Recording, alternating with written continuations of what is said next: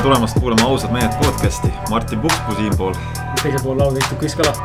me oleme hetkel siukses äh, KGB ülekuulamisruumis, meil on siin sihuke aastast, ma ei teagi, millal siukseid äh, lampe tehti. mingi aastal seitsekümmend või ma ei kujuta ette.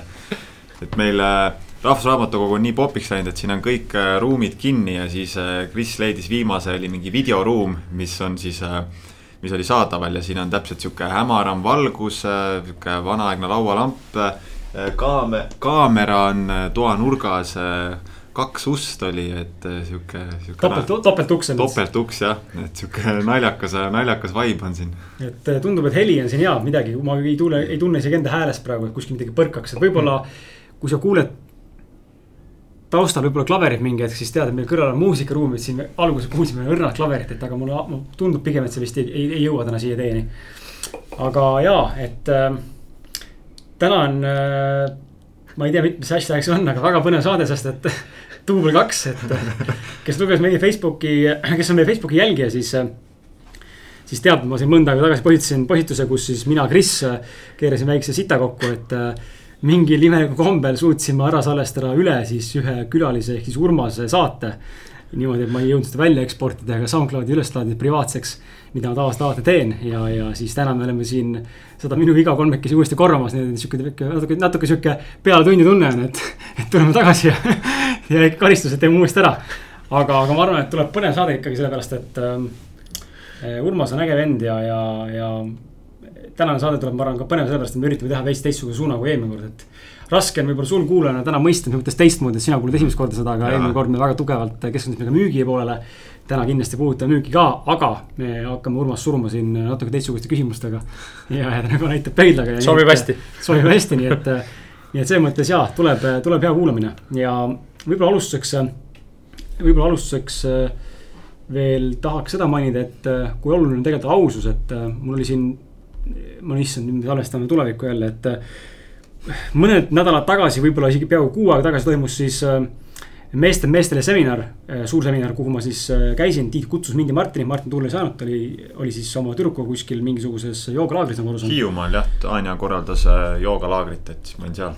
ja, ja, ja mina sain nagu kogeda ausust, et äh, mina sealt ürituselt läksin ära kohe alguses, ei, ei meeldinud, ma ei hakka rääkima, miks, see üldse pole oluline. aga oluline on see aususpunkt, et Tiit helistas mulle ja siis ma esimese korra vältisin kõne. ütlesin, mida ma ütlen talle noh, ta küsib raudselt, et kuule, kas meeldis või? et kuidas ma ütlen, et kuule jaa. okei okay, oli. aga mis meeldis? ah tead, kõik nagu nii palju infot ja kõik meeldis, noh, et ma kuidagi praegu ikka seedin veel, et noh mõtlesin, mis ma valetan nagu, et kuidas ma nagu valetan ja kuidas ma nagu olen niimoodi, siis ma hakkasin mõtlema, et aga kui ma ütlen ausalt.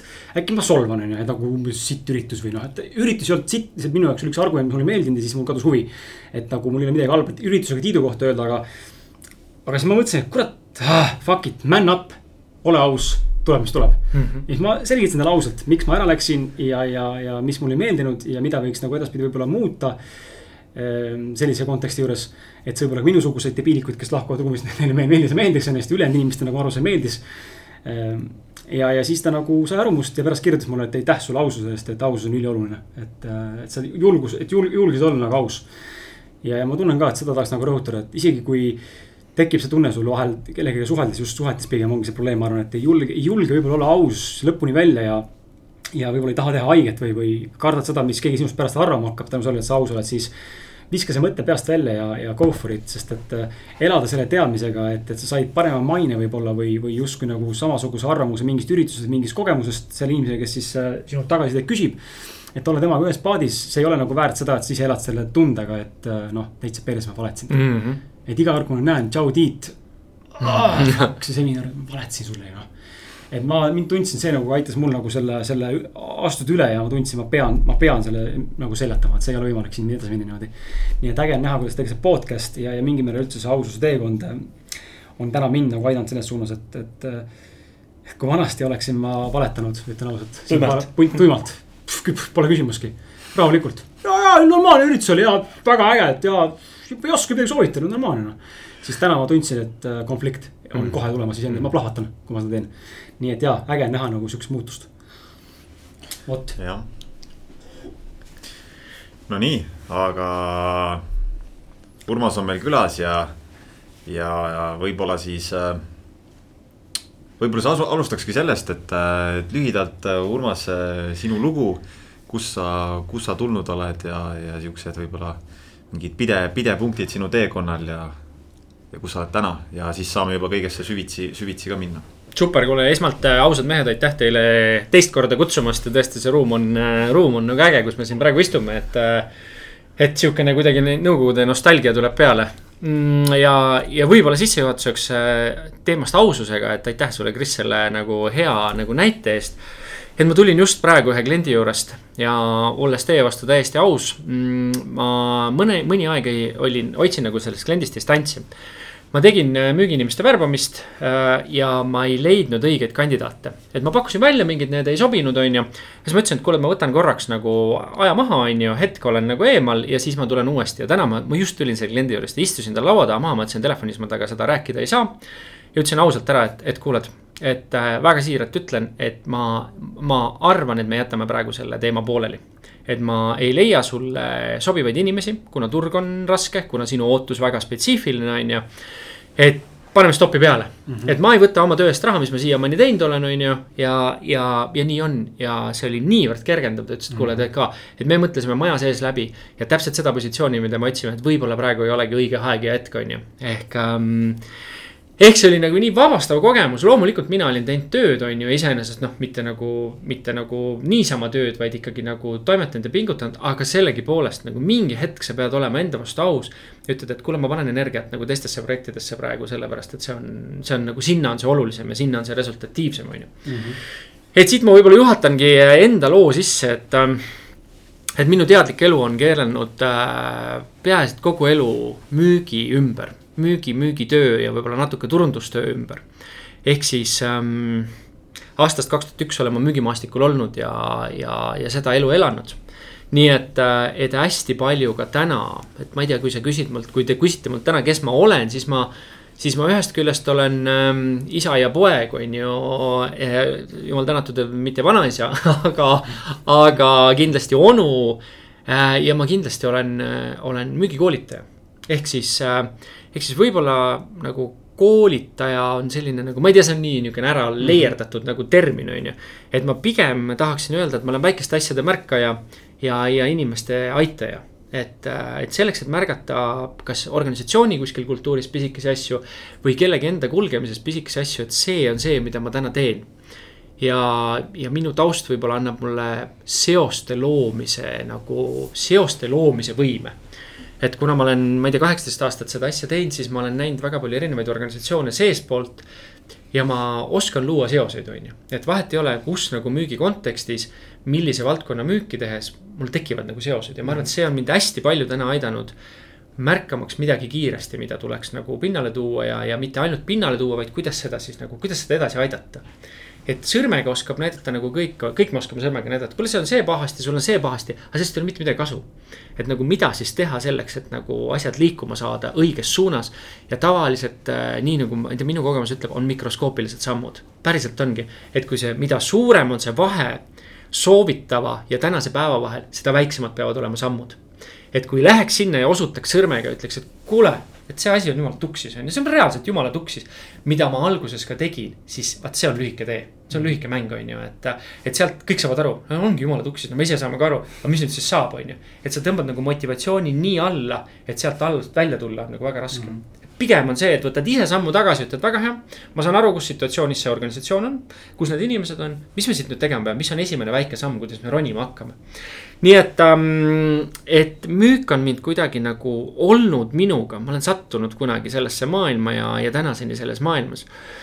Ja, ja mis mulle seal meeldib, mulle meeldib nagu inimsuhe kui selline. et ma olen avastanud ka, et ma olen hästi hea nagu lepitaja nagu võõraste inimeste lepitaja, ma ei tea, miks kuidagi, see on nagu. kui ma olen vaadanud oma eluteed tagasi, siis mul on õnnestunud lepitada nagu vaenujalal olevaid inimesi väga lihtsalt et, et mul ei ole nagu nende lepitamise ees mingit hirmu olnud on ju nendes mhm. situatsioonides. ja see on kuidagi kukkunud nagu nii loomulikult välja, on ju, et ma olen nagu täna mõelnud, et, et kui ma ei teeks seda, mida ma täna teeks, et mis ma siis üldse teeks, on ju. ja siis mõtlesin, võib-olla olekski lepitaja. sihuke suht, suhtelepitaja. suhtelepitaja jah, see kõlab nagu naljakalt, aga, aga see on nagu kuidagi, mis tuleb nagu intuitiivselt, on ju, et. Ähm, et, et kui Alar Ojastu siin äh, räägib sellest, et nagu teeb ka nagu müügi poolt, aitab kaasa teeninduse müügi poolt ja ütleb, et, et sa pead aru saama, mille peale sul annet on, on ju, et mul on kindlasti inimeste veenmise peale väga tugev anne. ja mul on ka selle lepitamise või rahu loomise peale nagu annet, on ju, et see tuleb nagu mul lihtsalt nii, et äh, et see on jah olnud nagu minu tänane teekond eh, viimased siis kolmkümmend üheksa aastat. järgmine kevad saab nelikümmend aastat, nii et nelikümmend on verstapost mm. -hmm. ja üheksa on korrektsiooni aasta, nagu öeldakse, et. äh, et äh, mis sellel aastal toimub, väga palju tegelikult toimub nagu minu elus ka, on ju. et ma loodan, et väga nagu sisemise ärkamise ja positiivsuse suunas, mis on nagu toimumas. aga, aga noh, mida rohkem sa kaevud, seda rohkem saad aru, et sa ei tea mitte midagi nii et see on noh, ma ütlen, te olete seda teekonda ka nii pikalt käinud, on ju, et. et minu jaoks ma olen seda teekonda, seda sisemise maailma kaemuse teekonda käinud aktiivsemalt äkki kolm aastat. Nii et, äh, et ja ma olen seal, ma ütlen, ma olen alguses mm., ma olen päriselt alguses, et. Äh, et on päevi, kus ma tunnen ennast nagu väga kergelt, on päevi, kus ma tunnen väga raskelt. nii et äh, mingite asjade endasse võtmine, läbilaskmine mingi lapsepõlve taaga kaasas kandmine enesele teadmata, mis asjad need on, miks ma neid kaasas kannan, millal need väljenduvad. millises hetkes need emotsiooni tekitavad. paganama nagu lihtne öelda, raske nagu tegelikult mm -hmm. ära tajuda, on ju, et. Aga, aga puudutas ka võib-olla korra seda lapsepõlve või sinu kasvamist äh, sellisest aspektist, et kui palju sinu vanemad ja sinu perekond suutis sind äh, ühtepidi siis nagu Äh, mind just huvitab see müügi ja see suhtlemise mm -hmm. pool, et kuidas see nagu, et kui me räägime sellest, tihtipeale, et meil on mõni talent või anne kaasas sündinud, eks ole mm -hmm. ja, ja me tihtipeale ei avasta ennast ise, vaid see kuidagi on meil sees olemas. nüüd meie vanemate töö, kas suunata, toetada seda mm -hmm. pigem äh, toppida meile mingeid valesid. Äh, teemasid ette. Nende enda nägemuse peal mingeid asju ette. et kui sa, kui sa küsid seda, Kris, et kas mulle klaveriõpinguid su, su, suruti nagu peale, ei, kuna mul mm -hmm. ema oli küll nagu väga pikalt klaverit õppinud, on ju, ja mul on üldse nagu selles mõttes huvitav pere, pere, et mul ema on olnud eluaegne pedagoog, tädi on olnud eluaegne pedagoog, äh, siis Pärnu vanaisa ja vanaema ehk siis emapoolsed vanaema ja vanaisa, kes on küll täna taevapiirilt vaatavad, aga olid ka eluaegsed nagu pedagoogid. ehk siis ma nagu seda pedagoogi kultuuri olen nagu väga palju mm. saanud, et sellepärast ma olen ka visanud nalja, et noh, kus sa siis ikka lõpetad kui koolitajana, on ju. aga tegelikult, ähm, kui ma mõtlen nagu ajas tagasi, siis ma nagu isapoolsene vanaisa, kes äh, kogu aeg ütles, et Urmasest saab advokaat, on ju. et see on nagu see tee, et sa oskad nagu rääkida ja sa oskad nagu veenda et, et advokatuur sobiks sulle kindlasti väga hästi. ja ma mingi hetk unustasin selle täitsa ära ja see on mingi aeg nagu uuesti meelde tulnud, et, et väga huvitav, on ju. ehk siis, ähm, et kui sa küsid nagu, et see teekonna kujunemine on tegelikult mingis mõttes inimeste mõjutamine, on ju. et, et mis on ka müügitöö muud kui usaldussuhte loomine ja inimese mõjutamine äh, siis soovitud otsuse suunas, on ju et kas, kas sa teed seda eetiliselt või teed seda mitteeetiliselt, see on sinu lapse, las-, lastetuba, on ju et olen ka mina käinud ähm, lapsepõlves või nooruspõlves väga nagu rajusid teid. ja, ja jumal tänatud, et aastal kaks tuhat ma tegin sisemise otsuse, et ähm,, et mitte kriminaalne maailm ei saa olema see, kus ma nagu läbi löön, on ju. aga ma ütlen, et oli, on olnud nagu väga ärevaid hetki, on olnud väga nagu valesti nagu tehtud otsuseid ja ma ei tea, miks need otsused, sest tol ajal nagu üheksakümnendatel tundus, et, ähm, et kui ma vaatasin nagu naabreid, siis äh, millegipärast nagu õitsval järel olid need, kes olid kriminaalid, on ju. et kelle isad olid -hmm. kriminaalid ja siis mõtlesin, no pagan, et see on õige tee, noh, et see peab nagu. peab tegelema sellega, kust nagu raha tuleb ja raha tuli siis tol ajal tuli ikkagi kahjuks nagu hämaratest tegudest. ja siis ma kuidagi häälestasin ka enda sellele lainele, et nagu sealt, sealt hakkab raha tulema nii et, äh, et jah, selles mõttes ma olen nagu õnnelik elule ja vanematele ehk siis mm, see nagu eetiline, eetiline teadmine, mis nemad on mulle ja ka vanaema ja vanaisa Pärnust on nagu andnud. see ikkagi sundis mind tegema aastal kaks tuhat selle otsuse, et ma ei lähe, nagu see on see tee, kus ma edasi ei lähe, et see käib mulle vastu mm. -hmm. et hoolimata finants finantsiks on ju, aga, aga see, need põhimõtted ja see käib mulle täiesti vastu, on ju. nii et, äh, et ma olen jah see on nagu väga suur murdepunkt olnud. Nii et äh, advokaati minust ei saanud, on ju. Pole veel hilja. Pole veel hilja, ma olen ka selle peale kusjuures mõelnud, on ju. et, teine variant, mille peale ma olen mõelnud, et ka, ka kiriku nagu, kirikuringkonda minna ja, ja jutluste teema, on ju, sest et nagu äh,. ma olen märganud seda, et, et tänases maailmas, kus coaching on väga tugevalt nagu tõusev trend mm. -hmm. hästi palju nagu ärimaastikul coaching ja, ja paljud nagu küsivad, et mis kuradi coaching, mul ei ole mingit coach'i vaja. Igal inimesel on vaja inimest kellele sa saad öelda kõike, kellele saad rääkida kõigest, kes ei mõista sind hukka, vaid pigem tõstab sind üles, on ju. et, et ma arvan, et, et, et selle tee rajaja ja selle, kui me mõtleme ka igaste guurude, guurude roll on see, et mina usun sinusse, on ju.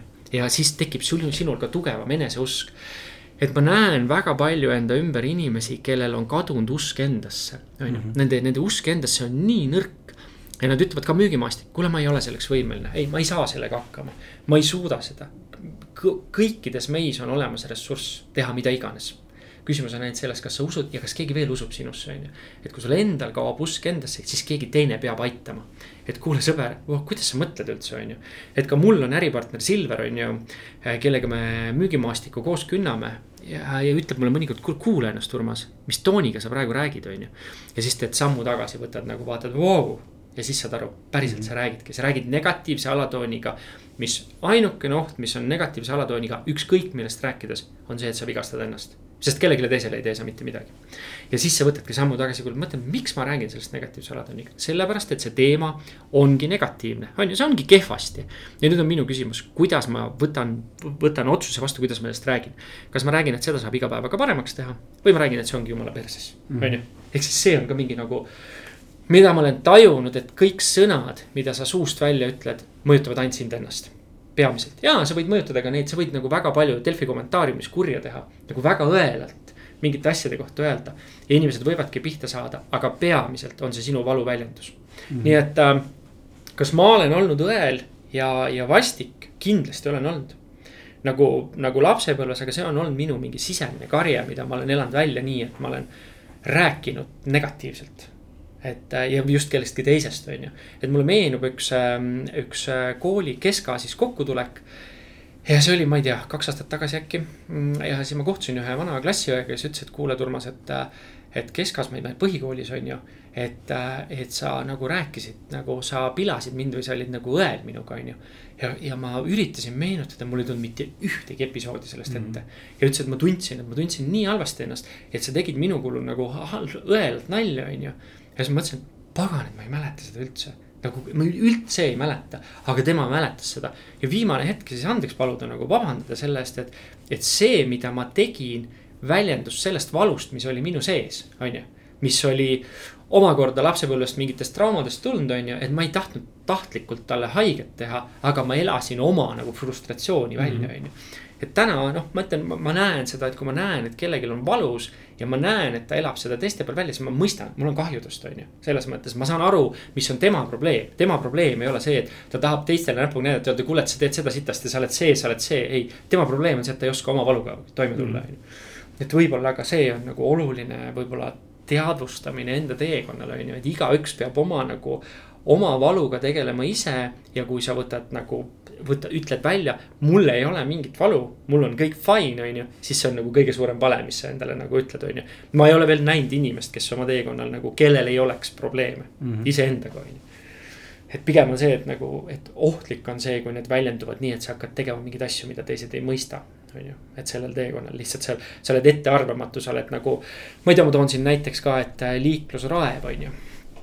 viis aastat tagasi mul oli niimoodi, et kui ma liikluses sõitsin ja keegi tegi järsu valepöörde, keeras mul ette, siis mul, mul läks reaalselt pilt läkski nurkadest mustaks. koonusesse läks nagu pilt kokku, ääred olid mustad. ja ma reageerisin selle peale niimoodi, et ma tegin järgmised sellised möödasõidud ja sellised ettepööramised. et kui mul pilt ette tuli, siis ma mõtlesin, mida ma teinud olen mm. -hmm. et sa nagu, sa elad seda sisemist nagu seda kuidagi talletanud viha nagu liikluses välja. Kui täna keegi, kurat, mõtleme kõrvalt mulle nagu, kui ma sõidan kellegi kõrval ja keegi närvitseb, siis ma küsin, mis sul viga on, päriselt, mis sul viga on hakka endaga tegelema, et see ei ole okei okay,, kuidas sa käitud. mitte selle kaasliiklejate suhtes, sa nagunii ohtlik, sa oled iseendale ohtlik.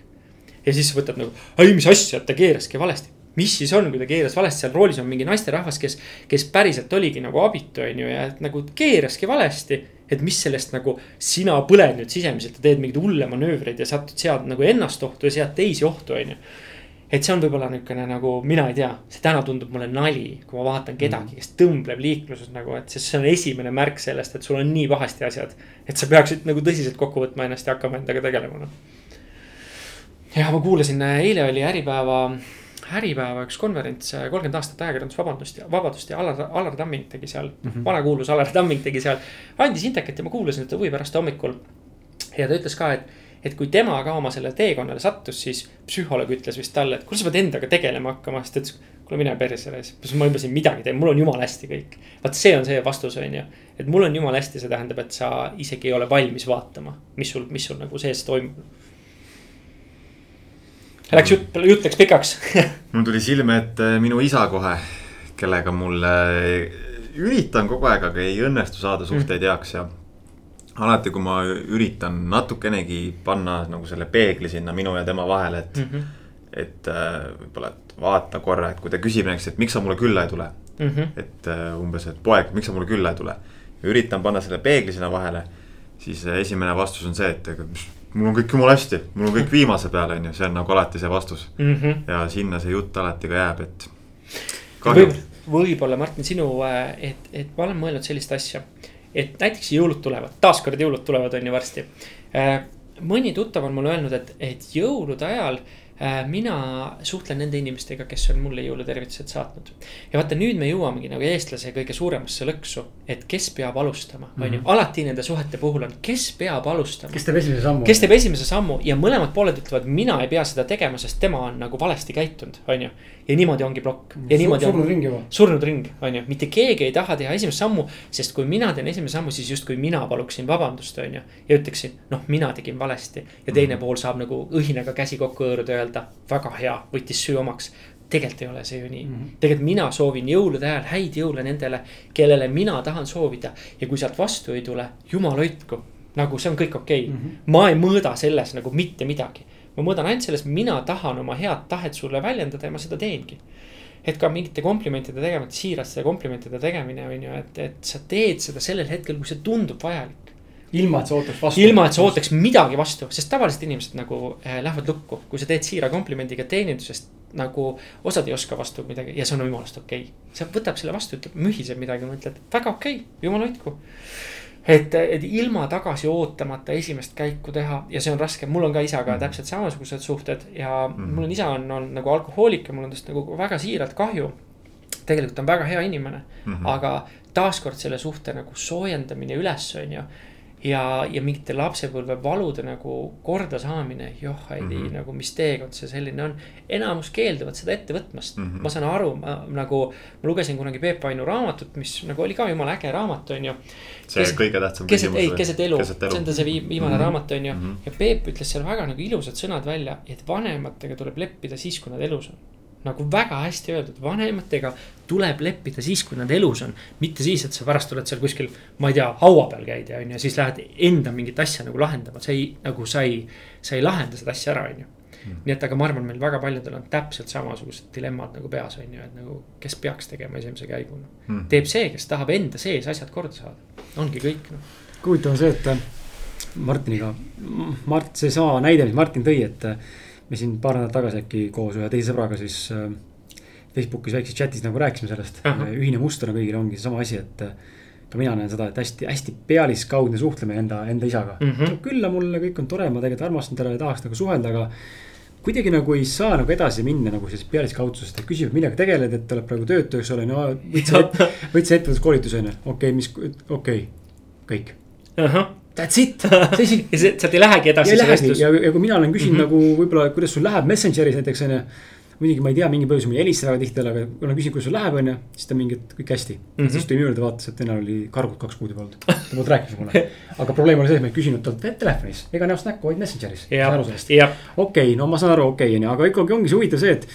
Et jälle see tõmblemine, ma nagu justkui nagu annan nagu hästi palju endast, et saaks seda kaalukaussi kogu aeg liigutada sinnapoole, et isa hakkaks ennast avama, meil läheks mm. -hmm. suhe kogu aeg paremaks ja siis tuleb mingi üks pauk ja kõik on uuesti. tõmbab alga, algusse tagasi mm, siis nulli pärasele. tekib nagu selle nagu, et miks ma üldse nagu pingutan ja nii minema. ja ma küsin selle küsimuse moodustaks siia võib-olla sellest, sellest kontekstist tulenevalt, et.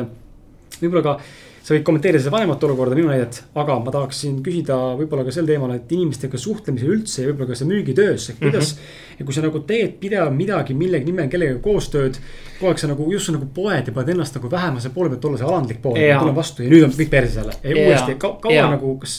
et kuidas nagu tunda ära, et see nagu lootusetu olukord. see, see ühest küljest see vigastab ego, on ju, kuna ego on see, mida me ju kõik kaitseme, on ju. müügi kõige suurem nagu raskuskese on see, et sa nii nagu sa ütlesid, et sa teed nagu alandad justkui ennast või oled see nagu see, see nagu tahtja pool, et kuule, ole hea, suhtle minuga mm. -hmm. ja sa saad räige paugu sisse ja see vigastab su ego, on ju, tegelikult saab su ego haiget. et me võime seda rääkida, et ära võta seda südamesse, ära võta seda tõsiselt, kui keegi sulle nagu telefonis pikalt saadab või ka laua taga pikalt saadab, ütleb, kuule. ma ei usu nagu teie teenustesse ja ma arvan, et see on saast, on ju, et kuidas siis nagu sellest välja tulla. tegelikult on, on ainult üks nagu reegel selle peale, ehk siis kui me, kui me räägime sooritusest, siis sa peaksid võtma igat sooritust nagu uut nagu null-lävendit mm, -hmm. on ju. ehk siis sa, sa jätad selle kõrvale, eelmine sooritus läks kehvasti. nii nagu ka spordis igal pool on ju. eelmine sooritus läks kehvasti, väga hea, eelmine sooritus oli eelmine sooritus. ma lähen uut sooritust tegema null nagu leve, lävendilt on ju, ja ma panen endast parima mängu. ehk siis ma ütlen ka mulle, mul väga ammu ei ole enam sellist nagu situatsiooni olnud, kus klient ei- hakkab vältima minu kõnesid ja praegu on mm. -hmm. ja väga selline auväärt klient ja, ja ma ütleks, et meil on usaldussuhe hoolimata sellest, ta ei võta mu toru osta eh, või telefonikõnet vastu. et kuidas siis käituda, kas ma peaksin tundma nagu solvuna ennast mm, -hmm. on ju, ei peaks. nüüd ongi samm tagasi, mis sellisest äh, situatsioonist välja aitab, on samm tagasi. ma enam ei helista, aga ma kirjutan talle kirja ja ütlen, et kuuled, ma saan aru äh,, sul on kindlasti väga kiire, me oleme rääkinud ka, et sul on väga kiire ja that's okei okay.. ma luban, et ma ei helista sulle enam, ma ütlen lihtsalt, et ma olen sinu jaoks olemas kui sul on vaja abi, me teeme, mõlemad teame, et sul tegelikult on vaja nagu müügimeeskonna arendamisega tuge, on ju. et ütle sina see hetk, kui sa tahad rääkida ja siis mm -hmm. me räägime. ehk siis, et see ei ole küsimus mitte ennast nagu järjepidevalt lolliks teha, vaid sealt võtta samm tagasi ja öelda, kuule, et me mõlemad saame aru, kuidas situatsioon on, ma rohkem ei helista sulle, ma ei mängi lolli sinuga, on ju, sest minu aeg on täpselt sama oluline kui, kui sinu aeg ehk siis müügis võta alati seisukoht, et te suhtled võrdne võrdsega. Vahet ei ole, kas sul on Hansas Luik vastas, on ju, või sul on mingi startup'i vend, kellel ei ole ühtegi senti veel teenitud. alati sa suhtled võrdne võrdsega ja sa austad ennast ja sa austad teda.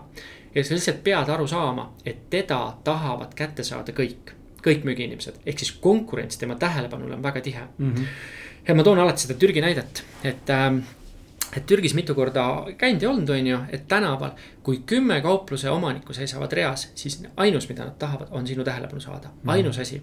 ja siin elus võitlevad kõik täpselt samamoodi, et ma saaksin su tähelepanu, et sa korraks kuulaksid mind ja siis ma saan sind alles nagu usaldussuhet ehitama hakata. ja see on kõige suurem, vaata tavaliselt ego saab pihta siis, kui sa lähed seda tähelepanu esimest kontakti püüdma ja sind saadetakse sõna otseses mõttes pikalt, pannakse toru ära. Öeldakse, kuule, ma ei tea, ma ei tea, kelle, kes, kellega sa oma arust üldse räägid, on ju. see on see ego vigastab, kui sa sealt saad edasi ja sa saad hakata usaldussuhet looma, siis läheb huvitavaks. sest siis päriselt nagu, siis hakkab nagu päris vestlus alles pihta, on ju. ja siis, ja siis ei juhtu enam nagu selliseid jaburaid asju, on ju. see sinu näide on hea, sest ma panin kohe, tuli kohe paralleele, ma ise olen, tegin alles võib-olla hiljuti niimoodi ühe külalisega, ma olen talle kirjutanud päris mitu korda, ta on mulle vastanud, tuleb. väga rõõmus, tuleme teeme. ja, ja lihtsalt täna, täna ei vasta mulle. ja siis ma otsustasin peale teist kirja, mille ta mulle taaskord ei vastanud, kirjutasin kolmanda kirja, ütlesin, ma rohkem sulle ei kirjuta. Me oleme kokku leppinud, sa tead, kus mind leida, ma Väga oota, okei. ootan sind väga saatesse ilusat, ilusat päeva. see on su- suht- ma, lihtsalt tundsin, et ma lihtsalt ei viitsi enam Jep. suruda inimest. ja see on suhtlemine võrdne võrdsega. aga samal ajal, aga samal ajal ma sain tegelikult natuke laksu, sest et Muidugi. meil oli juba ju kokku lepitud juba, ta oli Mhm. nõus tulema, kõik oli Mhm. juba olemas, ma ütlesin jess, tore, tehtud, hakkan Mhm. planeerima. inimene lihtsalt eirab mind, ma näen, ta on see, et ta on näinud ja lihtsalt ei vasta mulle kuu aega. väga vastik tunne ma tegelikult. toon teile veel sellise näite siia juurde. mul korduvalt olnud, sul on tippjuht, keda ettevõttena sa väga tahad kliendiks, on ju. ja see tippjuht tühistab teie kohtumise tund aega ennem seda, kui sa peaksid välja sõitma Mm. alati ja teeb seda meili teel ja kolm korda niimoodi. nüüd on minu küsimus sulle nagu kui kogenud müügiinimesele, mis sa teed? et kas sa lööd käega, mõtled fuck it, on ju, sealt ei tule midagi. või sa oled järjepidev, on ju, ja õige vastus on see, et sa oled järjepidev, on ju.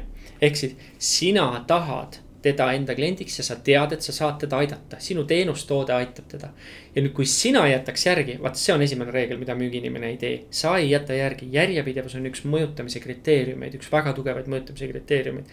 see on minu asi hoida seal nagu kätt pulsil, on ju. kui ta ütleks mulle ülbelt või vastikult ja ütleks, ma ei soovi, ma päriselt ei taha, siis kõik okei okay.. aga kui ta cancel dab selle, on ju, ütleb, paneme uue kohtumise, päriselt mul jooksis mingi asi sisse, okei okay on ju, et see ei ole nagu solvumise koht mm, -hmm. ja see võiks selle üle solvuda, aga tark oleks mitte teha seda. nii et noh, see on nagu, nagu sõbralik soovitus on ju. aga läheks ärevuse juurde. Lähme. mulle eelmine kord meeldis see teema tegelikult, sest sa rääkisid väga hästi sellest ja sealt tuli välja ka väga päris huvitavaid asju, kulmineerus, noh, kogu see ärevus tegelikult. lõpuks viis ka selle alkoholi tarbimise ja alkoholismini, mis on tegelikult hästi huvitav seos. Et räägi, milline on olnud sinu teekond ärevusse ja, ja, ja kas see on seotud kuidagi sellest, mis on lapsepõlvest äh, juhtunud või, või äh,? ma, ja ma arvan, et seal on lapsepõlvega seos, ma ei tea küll väga täpselt, ma ei ole oma teekonnal enda sisse äh, veel sinnamaani läinud, on ju. et seostada seda äh, puhtalt lapsepõlve ja kuidagi, ma ei tea, mingite juhtumistega. mul meenub üks äh, väga huvitav seik, taaskord ennem rääkisin äh, Pärnu vanaisast, keda täna enam meie hulgas ei ole. aga mul meenub selline seik et me, ma, ma värvisin nii aeda, kui värvisin kiike, kui värvisin mingeid asju Pärnus, on ju. Nende juures siis vanaisa ja vanaema juures.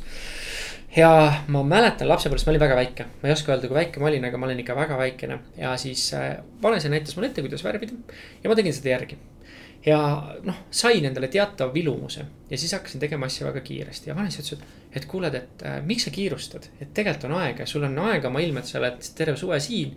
et võta rahulikult ja ma ütlesin, et kuule, et äh, kui ma oskan asja, siis ma teen asja nagu kiiresti, sest nagu selles peitub võlu, et kui sa oled nagu professionaal, sa teed asju kiiresti. ja vanaisa ei saanudki minust aru, on ju, ja siis peale seda ma mäletan, ma olen tahtnud alati elus teha asju kiiresti kui sul on vilumus, kui sul on oskus, siis sa teed asju kiiresti. ma räägin ka kiiresti, on ju, täna ma teadlikult valin oma tempot, on ju.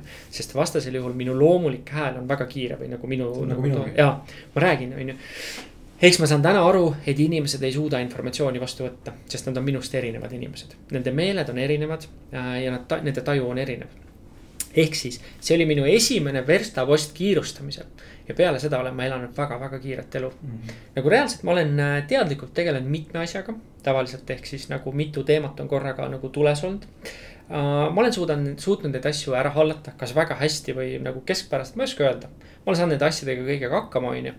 Aga sealt tuli see sisse, see kiirustamine ja sealt, kui ma olen täna analüüsinud äh, oma teed ärevusse mulle tohutult meeldis, kui, kui tuli põles ereda leegiga. mulle meeldis, kui asjad käisid kiiresti, mulle meeldis, kui asjad nagu juhtusid. mulle meeldis, kui mu elus oli palju nagu kiiresti muutuvaid faktoreid. ja, ja ma arvan, et see oli üks nagu emotsioon, mille nimel ma elasin. ma tundsin, et ma põlen siis, kui nagu show käib et kui päriselt nagu asjad juhtuvad kiiresti, ma pean kiiresti reageerima, asju tegema. see oli see, mis andis mulle nagu minu mootorile nagu kütust ja see põles ja, ja teekond ärevusse oligi põhimõtteliselt ähm, see kulmineerus sellega, et mingi hetk, kui ma Red Bulliga tõmbasin ka endale nagu auru üles hommikul. ehk siis minu päev hakkaski niimoodi, et hommikul tegin seal äh, Statoilis äh,. esimene peatus oli Statoilis, hommikusööki ei söönud, aga Red Bulli tõmbasin sisse, sest ma tahtsin seda tunnet, et nagu masin hakkaks tööle, on ju, vererõhk tõuseks, lähed. ja siis mingi hetk oli niimoodi, et ma avastasin, et õhtul, et see tunne enam ei lähe ära Mm -hmm. et nagu, nagu päeval oli see äge, aga õhtul nagu ei olnud enam äge. õhtul olid nagu, istusid kodus, tahtsid nagu rahulikult olla, aga see surin oli ikkagi sees ja see surin oli kogu kehas. sõrmeotstest nagu varbotsteni. alguses ma mõtlesin suva, samas ongi pull, on ju, et kogu aeg on nagu, ongi nagu põlev. kogu aeg on nagu aur on põhjas, on ju. saab igal ajal tööd teha. põhimõtteliselt, sest ma tegin ka palju öötööd, on ju, või nagu arvuti taga istusin ja mingi aeg ma sain aru, et kuule, Urmas, see on nüüd koormav, et see ei ole enam okei okay. mm, see on koormav lihtsalt, et. et mul tekkisid mingid sellised situatsioonid, et, et sihukeste tugevate ärevustsüklite nagu vahel, kus ma põlesin nagu tegin päeval. ma väsisin nii ära, et ma olin nõus nagu auto ära parkima ja kohe magama jääma hetkega. siis ma mõtlesin, et ma ei tea, kas see on okei okay., no mõtlesin ju siis, et intensiivselt paned, on ju. ja siis olingi niimoodi, et parkisin auto näiteks kuradi Kristiine keskuse parklasse, kolmkümmend mintsa lasin silma kinni ja siis tundsin, oh, jälle minek mm. -hmm. ja jälle aur ülesse, on ju, et ehk siis ma mingi hetk sain aru, et tegelikult see ei ole okei okay ja kõigile kuulajatele, kes saadet kuulavad ja kellel võib-olla ei ole kokkupuudet ärevusega või, või üldse nagu ärevust nagu ei ole tundnud sellisel kujul, elu, elu on chill ja rahulik. et mida ärevus tähendab, ärevus on kõige parem definitsioon ärevusel on see, et ähm, võtame näiteks, et kellegi aed on lahti, sa jalutad mööda tänavat ja tema koer tuleb aiast välja ja hakkab sind ründama, on ju. ja sa päris täpselt ei saa aru, kas ta tungib sulle kallale, ta juba lõriseb, ta seisab su vastas. et see protsess, mis su kehas toimub, kõik. biokeemiline protsess. see biokeemiline protsess on ju, see on automaatne reaktsioon, peopesad hakkavad higistama, vererõhk tõuseb, kõrvades hakkab kohisema, silm, pilk fokusseerib, on ju, sul tekib tunnel mm. -hmm ehk siis sa oled äh, võitle või põgene režiimis, on ju. et kui mõelda tagasi Koopa elanike juures, mis olid need, mis olid need nagu neli asja. Esimene oli äh, võitle, teine oli põgene, kolmas oli, kas seda saab süüa, neljas oli, kas sellega saab seksida. ehk siis need on need nagu alg, selle limbilise aju nagu algreaktsioonid Koopa elanikelt ja need me kanname ikkagi endiselt kaasas et nüüd selle koera näite juurde tagasi, et sa pead mõtlema kohe, mida sa teed, sa oled täisvõitluse režiimis, sa võiksid ka põgeneda, kui see tunduks mõistlik mm. -hmm. või sa võid selle koeraga ka võidelda ja silm silma selles vastu seista. ja nüüd ähm, ärevushäire põhimõtteliselt on selline asi, et see sama situatsioon tekib taas, aga koera ei ole. ehk siis sa vaatad näiteks õhtul telekat ja kõik seesama kordub taas mm, -hmm. aga mhm. koera ei ole. ja siis sa mõtled mis kurat minuga toimub, on ju. et reaalset ohtu tegelikult ei ole. ohtu ei ole mitte kuskilt ja sinu ümber on rahu ja kõik su mõttes tundub ka rahulik olevat, et ma olen seda analüüsinud mm -hmm. nagu. mul ei ole kellegiga mingit probleemi, mul on kõik okei okay,, on ju. Äh, ja ikka tuleb see samasugune situatsioon ja siis sa saad aru, nüüd on küll midagi valesti. Vaatad, et pulss tõuseb kella pealt, mõtled okei okay,, koha peal sada kümme, sada viis on ju. mõtled ja pulsi kõikumine täna, kui ma vaatan kella, on ju, et mul võib olla seal noh öisest mingist viiekümne viiest kuni päeval saja kahekümne viieni ilma aeroobse tegevuseta. lihtsalt koha peal tõmbab niimoodi mm. nagu mootori käima. ja see on kõik biokeemia, see on kõik nagu, mida, mida keha hakkab ise esile kutsuma. ja, ja siis ma mõtlesin, et noh, et nagu, et midagi peab ju tegema. loomulikult ma läksin kohe arsti juurde äh,, kirjutati välja antidepressandid ka. võtsin kaks nädalat äh,, aga jumal tänatud, et mul ei olnud piisavalt järjepidevust. ja kuna ma sain aru, et nagu, et need, see tunne, mida ma tunnen, nagu ei ole õige neid antidepressante võttes. et see läks nagu veel kuidagi, esimene nädal läks veel hullemaks. Ja siis ma otsustasin, põrgut küll, ma lugesin väga palju juurde üldse kogu mm -hmm. selle ärevuse kohta, millest tegelikult vähe, väga vähe teatakse, et selle ärevushäire põhjustest väga vähe teatakse. seal räägitakse valest söömisest, stressirohkest tööst, on ju, mingist ülemõtlemisest ta-ta-ta-ta-ta, liiga kiirest elutempost. aga reaalselt nagu noh reaalselt ei oska sulle keegi nagu seletada lahti. ja ma otsustasin, et, et antidepressandid ei. ja siis jäid nagu, siis jäid teised variandid. ja, ja peagi ma avastasin endale, et kõige parem ärevuse rahi, rovi, rahi, rohi on õhtul äh, paar pokaali veini. jumala super. kohe tõmbab nagu fooni maha, kohe nagu on chill, vajud diivanisse ära, kõik on väga hea ja ka see mõttemall läheb nagu nihuke pehmeks, oled sihuke nagu kergelt vati sees, noh mm -hmm., te olete ise, teate küll, mis teeb paar vokaali veini, on ju.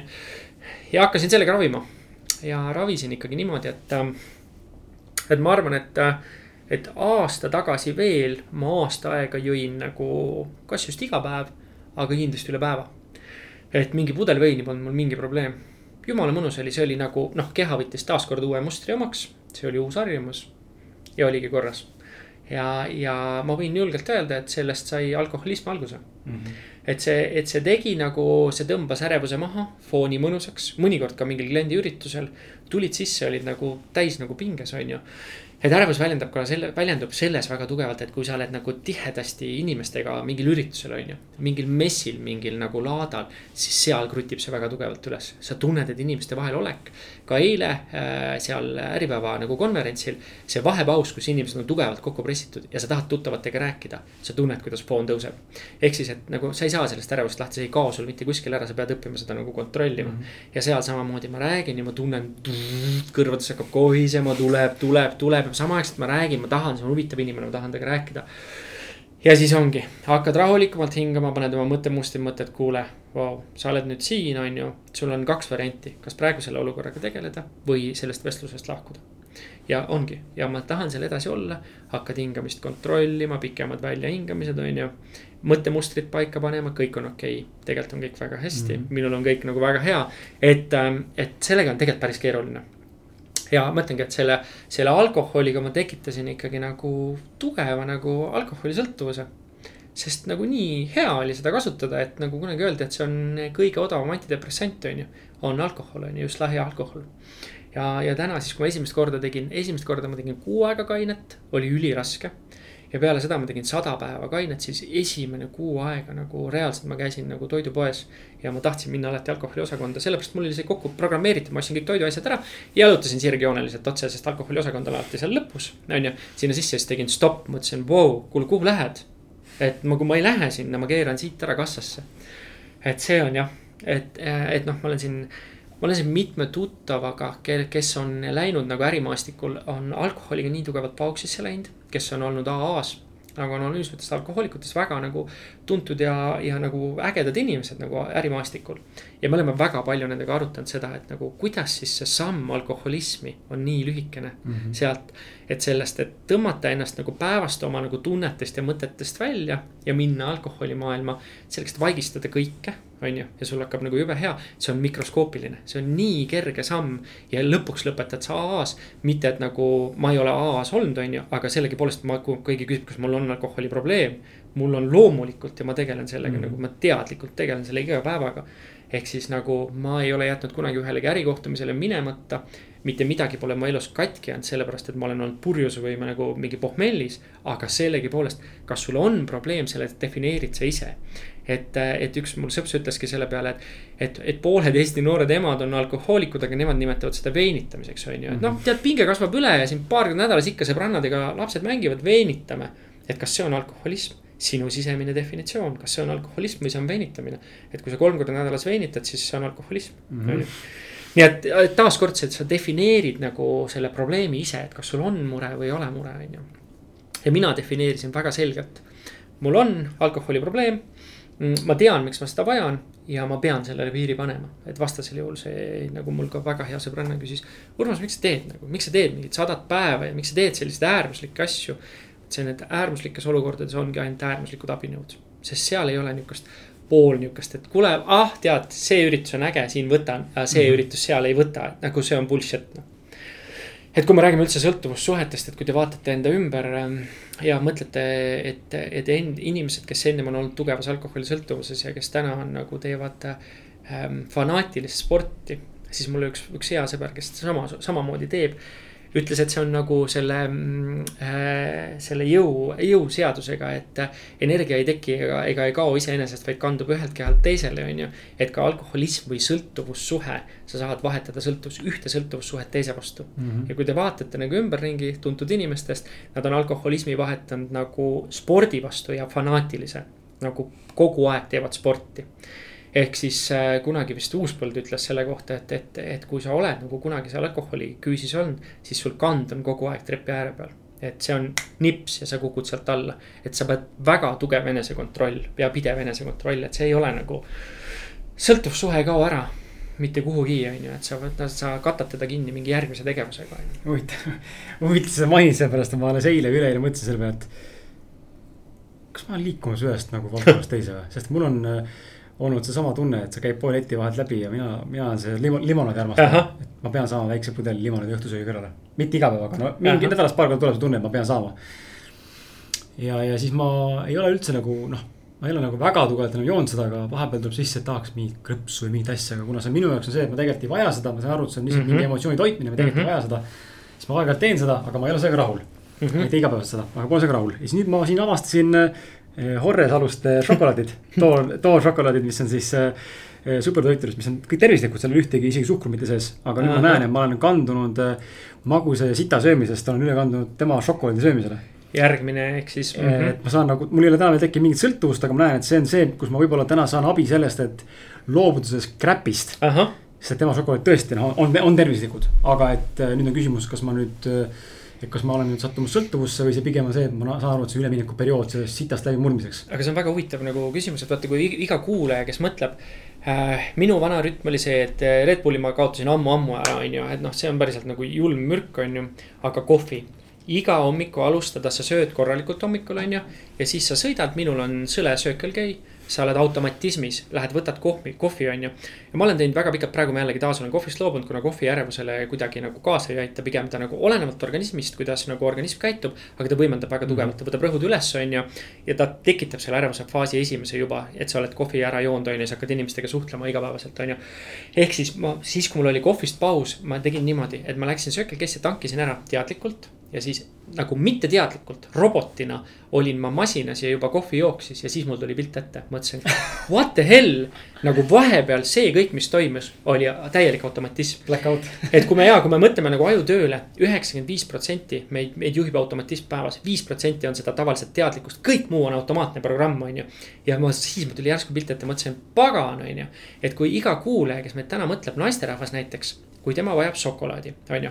ehk siis see on, see on teadlikkuse hetk, sellel hetkel, kui sa tunned, nüüd ma lähen ostan selle šokolaadi. siis on see tunnetamise hetk, mis mu sees toimub mm, -hmm. mis, mille peale mu aju praegu mõtles nagu alateadlikult mis on see, mis minus nagu see emotsioon, maailma suurim sõltuvus on ju. et milline emotsioon praegu tahab toitu saada ja sellest teadlikkusele jõudmine on kõige keerulisem. et sa mõtled, aga mul pole midagi häda, ma lihtsalt tahan šokolaadi. ei, sul on küll midagi häda, aga sa ei saa aru, milline emotsioon praegu seda šokolaadi vajab, sest organism sul kindlasti seda šokolaadi ei vaja, on ju. ehk siis täpselt sama on kõikide nende nagu sõltuvussuhetega, kes paneb suitsu süütab sigareti, on ju, milline emotsioon sul toitu vajab, on ju, et Ingvar Villi ta kirjutas raamatu Emotsioonid, maailma suurim sõltuvus ja ma arvan, et see on järgmise viie aasta kõige tugevam trend, on ju, nende emotsioonidega tegelemine, mis vajab seda nagu, seda sõltuvust. sul on ka Martin mõni äh, näide tuua, kus sa oled sõltlane või? Äh, ei tule ette kohe, aga mul tekkis see paralleel pähe, et äh, samamoodi on inimsuhetega mm. -hmm. et tihtipeale inimene, eks on üksi uh. -huh. tuleb mingi mõte, mingi, sellele järgneb mingi emotsioon. ja, ja siis me peidame selle ära sellega, et kõik nädalavahetused on sisustatud, kogu aeg on kellegagi suhtlemine igale poole, kellegi sõpra. jooksmine, on ju. et jälle seesama asi, et tegelikult me ju põgeneme selle. üksinduse vältimiseks, on ju, et selle emotsiooniga mitte silmitsi seista. iseendaga nii-öelda. iseendaga silmitsi seista, et mul oli mingi aeg, kui ma olin nagu täitsa üksi olingi nagu, ma ei olnud suhtes ka Äh, siis ma, ma kaotasin ära teleka, on ju.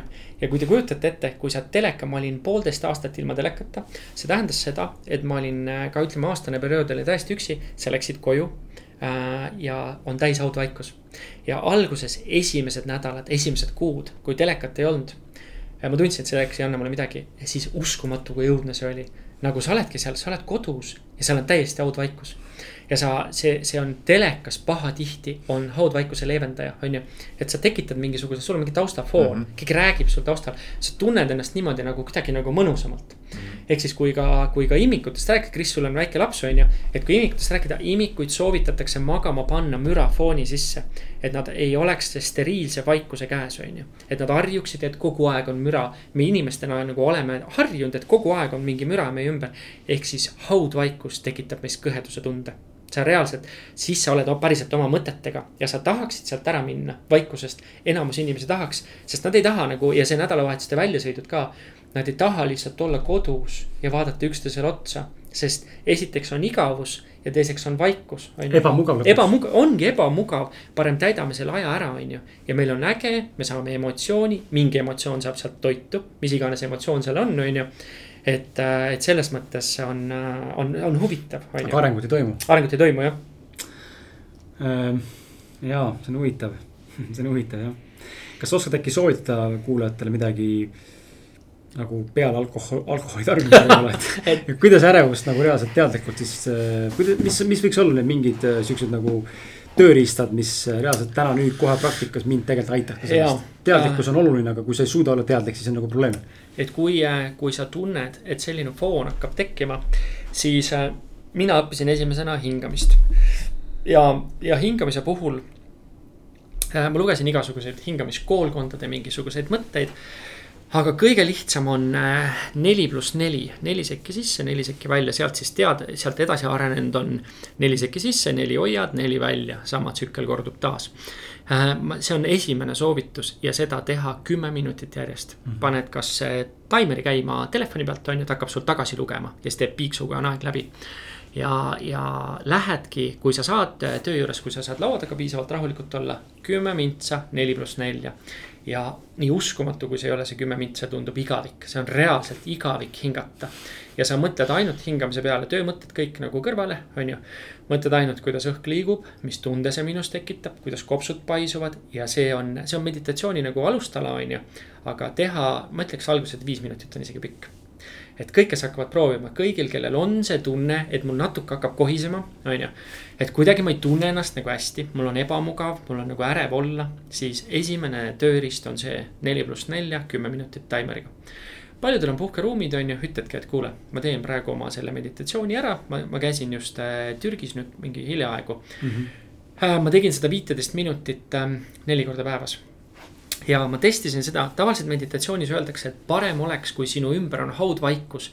et sul on kergem keskenduda hingamisele, sest nii kui sa kuuled midagi, kellegi möla ümberringi on ju, siis see on raskem. ja ma Türgis tegin seda, et ma olin Alanias, istusin rannas ja ma läksin täitsa veepiiri peale, kus kohises, vesi kohises on ju, panin seal samamoodi kellataimeri.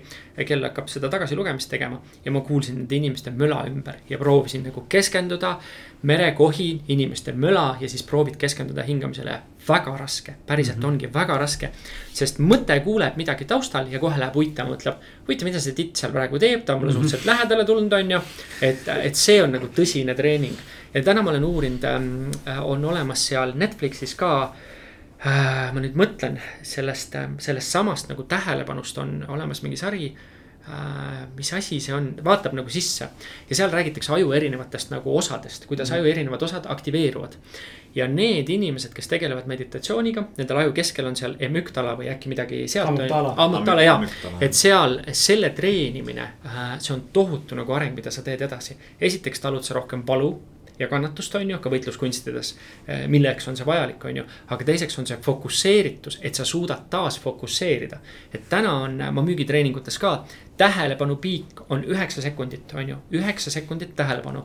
aga null koma kaks kuni null koma neli eh, siis äh, siis millisekundit, on ju. on see, millal sa otsustad ära, kas see asi on oluline või ei ole. kujutad ette, null koma neli, alla sekundi otsustad sa ära, mõttetu, mõttetu, mõttetu.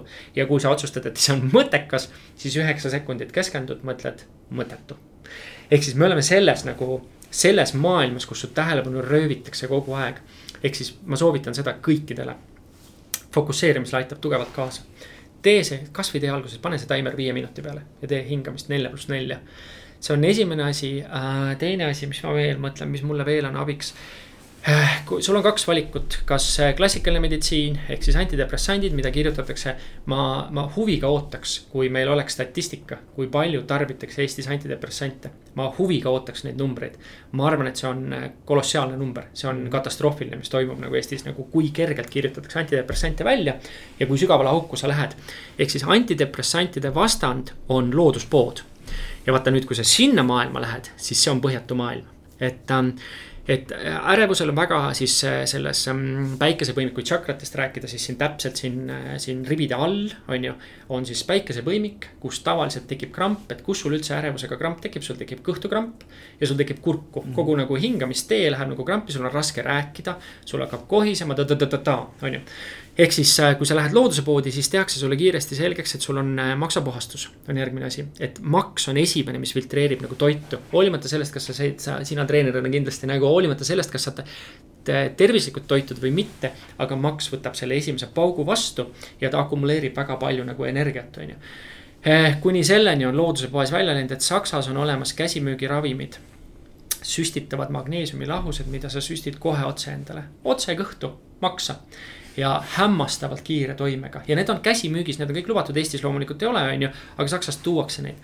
ehk siis sulle antakse sealt ähm, igasuguseid looduspreparaate, mida sa hakkad võtma, millega sa lihtsalt puhastad oma organismi ja rahustad oma sisikonda. et äh, ma ei saaks öelda, et ma olen mingi ülisuper toitja, täna ma loomulikult jälgin nii palju kui võimalik, on ju aga varasemalt, oi joh, ei tii, no mida ma olen enda sisikonnast läbi lasknud, on ju, et selles mõttes et noh, ma täna proovin ka nagu maksa mitte nii palju koormata, on ju, ja kohvi on täpselt samasugune üks asi, mis nagu rämedalt ma tunnetan, tunnetan kohe, on ju. nii et teine asi on see, et looduse poodi esimesed sammud, on ju, ja lased endale lihtsalt rääkida. ja siis hakkad uurima tausta, sa ei pea sealt midagi ostma. küsid, paned kirja ja guugeldad, ehk siis eh, klassikalise meditsiinist minna sinna, no mis ei ole alternatiiv, see on loodusravi, on ju. et seal nagu avaneb nii suur pilt mm, -hmm. et nagu sa ise otsustad seal pärast, mida sa võtad ja mida sa ei võta, on ju, mina võtan kurkumit, spiruliinat, makat ähm,. siis ma olen proovinud neid äh,, täna on see hästi populaarne, on see kanepiõli või taaskord CBD, täpselt, see on taaskord selline piiri peal, kas see on lubatud või ei ole lubatud. aga kui ta töötab ja kui inimesed saavad sellest abi, siis päeva lõpuks teed sa kõike seda, mis sul aitab. nii et, et seal ei ole taaskord nagu ühte jumalat olemas. Sa pead seda maastikku ise avastama, aga selge on see, et kui aastatuhandeid on kurkumit kasutatud, on ju, või spiruliinat, siis. ja ka täna selles, mis on see boost yourself, kui seal on spiruliina üks aluskomponente, on ju mm. -hmm ja see päriselt, see vetikab väga aitabki su organismi, on ju. puhastada, tasakaalustada, siis jumal hoidku, siis, siis saab, siis on seda vaja teha, on ju. et, et ma soovitan järgmisena jah, et, et äh, lihtne on öelda, et ärge minge äh, antidepressantide nagu teele.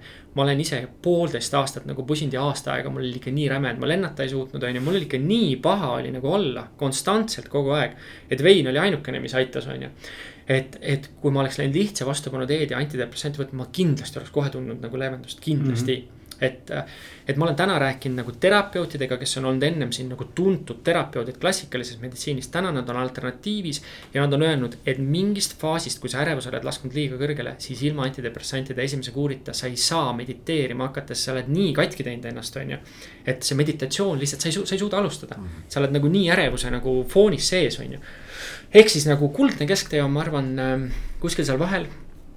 Aga, aga ma ei ole nagu mitte, ma ei propageeri seda, et nagu antidepressandid on saatanast, aga mina seda teekonda ei läinud. Mm -hmm. ja, ja ma arvan, ma tegin õigesti, et ma ei läinud. Läheks korra, viiks korra teema tagasi selle mm, ühe küsimusega müügi poole, ma tegelikult mm -hmm. tuli siin jutt kuulates tuli meelde see, tahtsin küsida. Äh, see expansion span on meil väga nagu lühike. Ja, ja, ja mulle meeldis, kuidas Sven, Puhsi Selfie omanikest ühel koolitusel ütles ka, et me scroll ime Facebooki päevas kilomeetrit oma näpuga ja, ja et äh, mida kõike tuleb teha selleks, et haarata su tähelepanu sellest uudistevoost mm. -hmm. mina täna teadlikult piiran oma uudistevoogu ammu juba aastaid, võtan lihtsalt unfollow inimestele. täpselt nii.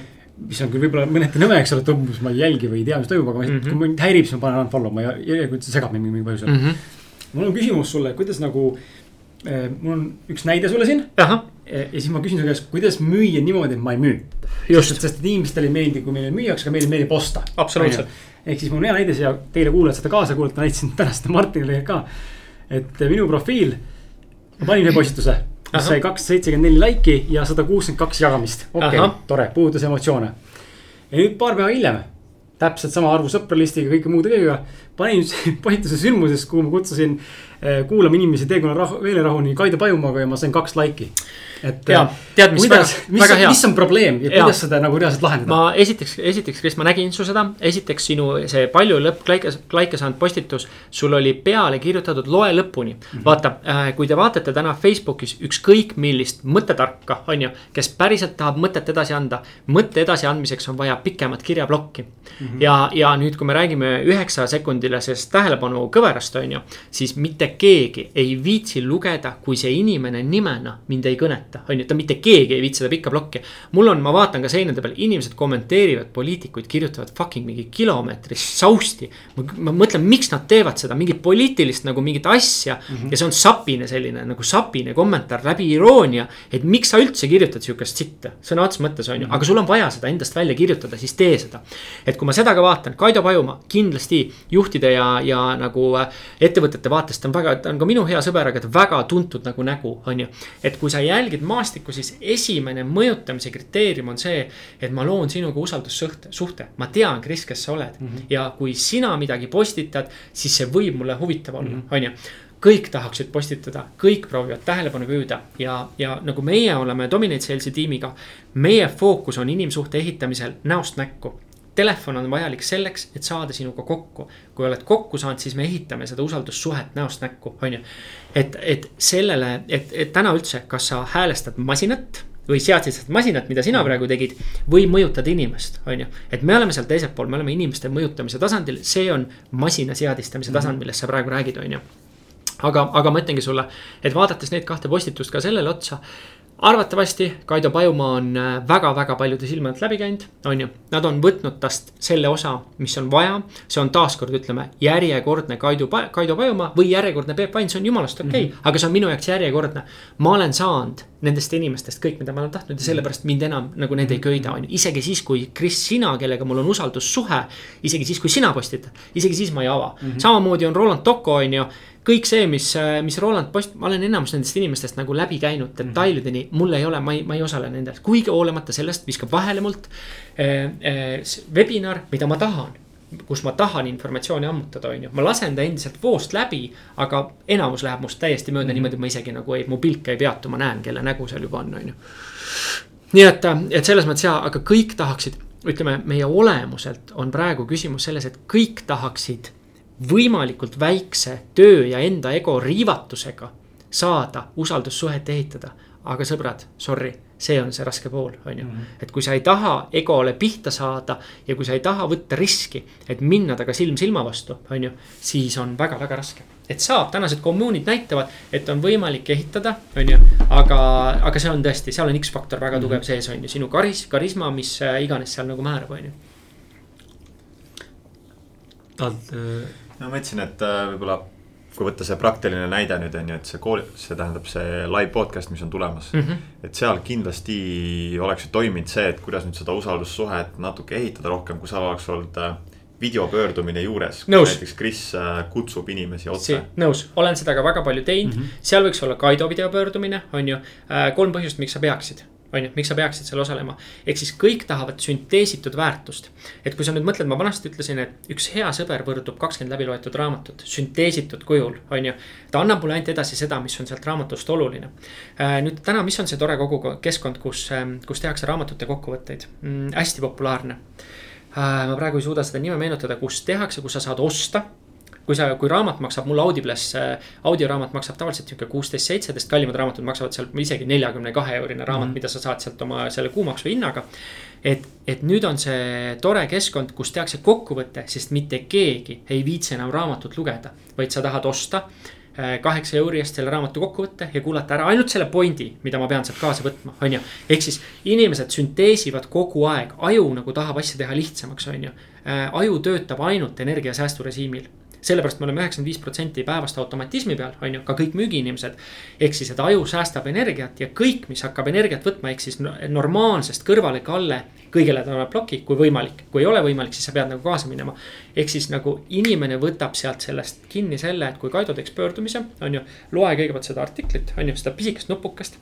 ja siis otsusta, kas sa tuled kuulama või ei tule kuulama, on ju. kui ma vaatan lihtsalt Kaido Pajumaa ma tean, ma tean, ma olen näinud, ma olen lugenud mm, -hmm. ma tean, ma olen kohtunud, ma olen webinaril käinud. mida tal veel võiks mulle uut anda olla, on ju. ehk siis, kui keegi, oota, kes see ütles eile äh,. aa, president äh,, president avakõnes ütles eile mm, et, et kui sa ajakirjanikuna tuled küsima seda, mida sa võiksid lihtsa guugeldamisega välistada, siis ma ütleks, et sa ei tee oma tööd, on ju et vaata, see kõik see informatsioon olemas, ära küsi mult seda, mis on juba olemas. vaid proovi puurida, on ju, see on ka küsimus, mis küsimustega sina Kaido kallale lähed, on ju. Mhm. et puurida välja veel seda, mida ta ei ole oma viiekümnes webinaris ennem öelnud, on ju. ma arvan, et see on nagu, see on mm -hmm. natuke ka sihukene sotsiaalmeedia ehitamise küsimus, on ju ja, ja küsimuste küsimine on müügi alustala ja kõikide intervjuude alustala ka, kui ma alustasin oma saate tegemist siis ma peagi sain aru, et ma ei oska küsida õigeid küsimusi. see on, see on üks peamine teema, on ju, ma küsin liiga primitiivseid küsimusi ja vastused on primitiivsed ja need ei anna mulle nagu saate formaadile midagi juurde, on ju. et õigete küsimuste küsimine on nagu kogu alus. aga lähme korra siis äh, sellest äh, ärevusest edasi sinna reisimise juurde, sest et mm. nagu ma tol, tollal eelmises saates ka mainisin, siis me saime sinuga tuttavaks Ketteri, kirjutaja Ketteri juures mm -hmm. ja, ja mind äh, kõnetas, äh, kõnetas eelkõige sinu see sihuke positiivne või sihuke, ma ei teagi, sihuke mõnus vibe mm. -hmm. ja, ja, ja teistpidi mind kõnetas see reis, mis sa tegid, ette võtsid. et äh, sa käisid Hispaanias äh,. palverännakul või kuidas seda õigesti nimetatakse? Santiago teekond. et äh, räägi, räägi meile sellest ja, ja võib-olla too välja siukseid äh,, ei teagi, siukseid ägedamaid äh, või, või sinu jaoks võimsamaid tähelepanekuid, taipamisi, mis, mis seal kaasa võtta oli mm? -hmm ja äh, see oli äge, see oli minu enda jaoks ka tänaseni nagu väga äge mälestus. Äh, Camino teekond on ju, Camino de Santiago äh, on siis Hispaania, Hispaania nagu see õige teekond on siis Hispaania, Prantsuse Pürenedest hakkab pihta ja, ja jõuab siis kõige, kõige siis, mis ta siis on läänepoolsemasse kaldasse või kirjakagu edel loode nurka, Hispaania loode nurka. Jõuab ja siis see on nagu vana palverännaku nagu kiriklik nagu kristlik teekond, on ju ja seda on käidud väga-väga ammu, tänasest on sellest loomulikult saanud Hispaania turismimagnet. et kui täna vaadata nagu palverännaku teekonda, siis täna on juba terve kaart läbi uuristatud, on ju. see on terve Hispaania, Prantsusmaa, kuni Inglismaalt hakatakse pihta tulema, on ju. sa, sa lihtsalt, sa vaatad, sa ei usu ise ka, kui palju teekondasid on. aga ma käisin siis seal selle Prantsuse teekonnal ja, ja minu nagu kutse sai alguse sellest, et ma kunagi vaatasin filmi kaks tuhat kümme aasta Martin Sheeni film oli ähm,, oli äh, The Way ehk siis teekond ja see, see tõsiselt liigutas mu südant ja mõtlesin, et issand, kui äge, et mingi sihukene teekond on olemas. kus sa võtad koti ja, ja võtad oma käimiskepi ja lihtsalt jalutad ja oled omadega ja oled ka täiesti põhivõõrastega. ja siis ma natuke uurisin seda tol ajal, see oli päris ammu, äh, kui ma seda filmi vaatasin ja siis ma hakkasin uurima, et no mis see teekond siis endast kujutab, siis ma jõudsin Aira Tammemäeni, kes korraldab juhtimiskoolitusi sealsama teekonnal, aga viimasel vist äkki sajal kilomeetril. ehk siis äh, kümmekond päeva, äkki on natuke rohkem, kümmekond päeva nagu ja seal on erinevaid ülesandeid. ja siis mõtlesin, ma lähen Aira nagu tiimiga kaasa. Ja kahel korral mul tuli vahele mingi ootamatu situatsioon, et ma ei saanud Aira tiimiga liituda. Ja siis ma küsisin Aira käest, kuule, mis ma teen, et ootan veel, on ju, need toimusid Airal vist kevadel ja sügisel, äkki see oli maikuus ja, ja äkki september ja siis äh, ei saanud minna, Aira ütles, kuule, suva, mine ise, et mine ise, võta oma kott ja mine üksinda. ja see pisut hirmutas mind ja mõtlesin, kuhu kohta mingi Hispaaniasse, mingi keelt ei oska, on ju, et sa lähed siis ähm, äh, kõigepealt Madriidi, on ju. Madridist rongiga Lyoni ja Lyonist lihtsalt võtad koti selga, hakkad jalutama. nagu see tundus nagu nii jabur, on ju, ja teisest küljest nagu nii huvitav. ja siis ma paari inimesega rääkisin, kes oli käinud ja mõtlesin, mis siis ikka, tuleb minna. Ostsingi piletid ära ja läksin ja see natukene oli, ma mäletan, kui ma Madridist ärkasin hommikul ülesse, öösel jõudsin lennukiga Madriidi, mingi odav lennu võtsin. ärkasin üles, võtsin see raske koti, see kott kaalub ikkagi nagu koos veega mingisugune, ma ei teagi, mingi viisteist, seitseteist kilo ikka niukene on ju. ja Madridist hommikul vara jalutan kella kuuest, tahtsin vara selle rongi peale jõuda siis äh, sinna mm, Lyoni ja kõle ja kuidagi mõtlesin, mida ma teen, kus kohas ma olen, miks ma olen siin. et järgmised neliteist päeva ma lihtsalt nagu matkan, kõnnin, on ju et ma ei tea, mis mind seal ees ootab, aga peagi sai selgeks, et kui ma hakkasin Lyonist, sellest väiksest linnast liikuma, siis mõtlesin. jumala äge, päike paistab, ma tegin juunikuus on ju, kus tegelikult oli päris palav juba see kuuma, kuumalaine, mis oli see, mis puudutas kõiki mm. -hmm. mis, mis oli ulme seal välja kuulutati oht, on ju. see puudutas, aga see ei tulnud meieni, see tuli peaaegu sinna Hispaania ta halvas ära, on ju, aga ta ei tulnud meie nurka välja. ja, ja siis peagi sai selgeks, et tegelikult see on äge. et esimene peatuspunkt oli kohe Neid nimetatakse albergedeks, need on siis munitsipaalsed sellised ööbimiskohad, mis on ränduritele. ja see alberge näeb siis välja selline, et hästi pikk ruum, seal on kaheksakümmend magamiskohta naride peal, kujutad ette, kõik on ühes ruumis mm. -hmm. siis on sul pesemisvõimalus seal nagu kõigil ka sihuke ühine pesemisvõimalus ja siis on köök. ja õhtul ma mõtlesingi, käisin kohalikus poes, vaatasin esiteks, et, ähm, et mida sealt üldse süüa teha, siis tegin süüa, istusin, vaatasin üli cool. aga noh, esimene öö magada kaheksakümne inimesega kus kõik norskavad, on ju, et mulle soovitati, et võta kõrvatropid kaasa, mõtlesin, mul suva, mul ei ole neid vaja, ma panin need nagu kotti sinna voodi kõrvale. ja siis ma sain kohe aru, et mul on neid vaja, et kui ikkagi kolmkümmend inimest norskab täiega, et siis see on, see on eriline kogemus. see on täielik sümfoonia, terve õhk vibreerib nagu reaalselt, kuuled, kuidas õhk vibreerib. ja panin need kõrvatropid, aga hommikuks olin ilusti välja puhanud ja, ja ma arvan, mingi kolm päeva ma rändasin üksinda. nagu täitsa üksi, ma tegelikult mõtlesin, et ma rändan terve tee üksinda, terve see mul tuli kokku kolmsada kakskümmend kilomeetrit. Mm, see oli siis äh, kas, kas seitsesada äkki oli kokku või, seitsesada kuuskümmend kiltsa oli kokku mm -hmm. sealt Prantsuse piirilt. Äh, ma teadlikult, ma sain valida ainult neliteist päeva, ma võtsin nii palju, kui mul päevi sain, siis ma valisin selle sihtkoha, kus ma nagu pihta hakkasin oma jalutamist. ja kolmanda päeva õhtul äh, jalutasin kuskil jumala ägedas vanalinnas ringi, otsisin õhtusöögi kohta ja nägin mingi kari käratsevaid, terve laudkond jumala lõbusaid inimesi nagu ja, ja siis üks naine järsku hüüab, oo, et kuuled, et äh, rändur. Äh, ma vaatasin, mõtlesin, et huvitav, kas ma tean teda. siis mul tuli meelde, et ta oli just ennem check inud samasse kohta sisse, samasse mm -hmm. sellesse magamiskohta. ja ütles, kuuled või, mis sa tuterdad seal, et tule istu meiega maha ja siis mõtlesin. ma tegelikult nagu ei tahtnud, ma tahtsin nagu üksinda olla. mõtlesin samas, suva, söön siis nendega õhtust, on ju ja sellest sai alguse nagu siis see tutvus, äh, ma arvan, et ma lõpuks, kui ma lõpetasin, tundsin äkki mingit kolmekümmend inimest või ja olin kuulanud nende lugusid ja see oli üks huvitav, ma mõtlesin, kui ma oleks üksinda rännanud, siis ma poleks kuulnud neid lugusid. ja need lood, mis sa seal kuuled, ma ei kuulnud ühtegi kristlikku lugu või ühtegi nagu päriselt nagu palverännaku mm -hmm. mõttes. kõigil oli mingi oma lugu. ja kandev roll nendest, need noored inimesed, kellega mina nagu ka järgnevatel päevadel nagu rajal kokku puutusin.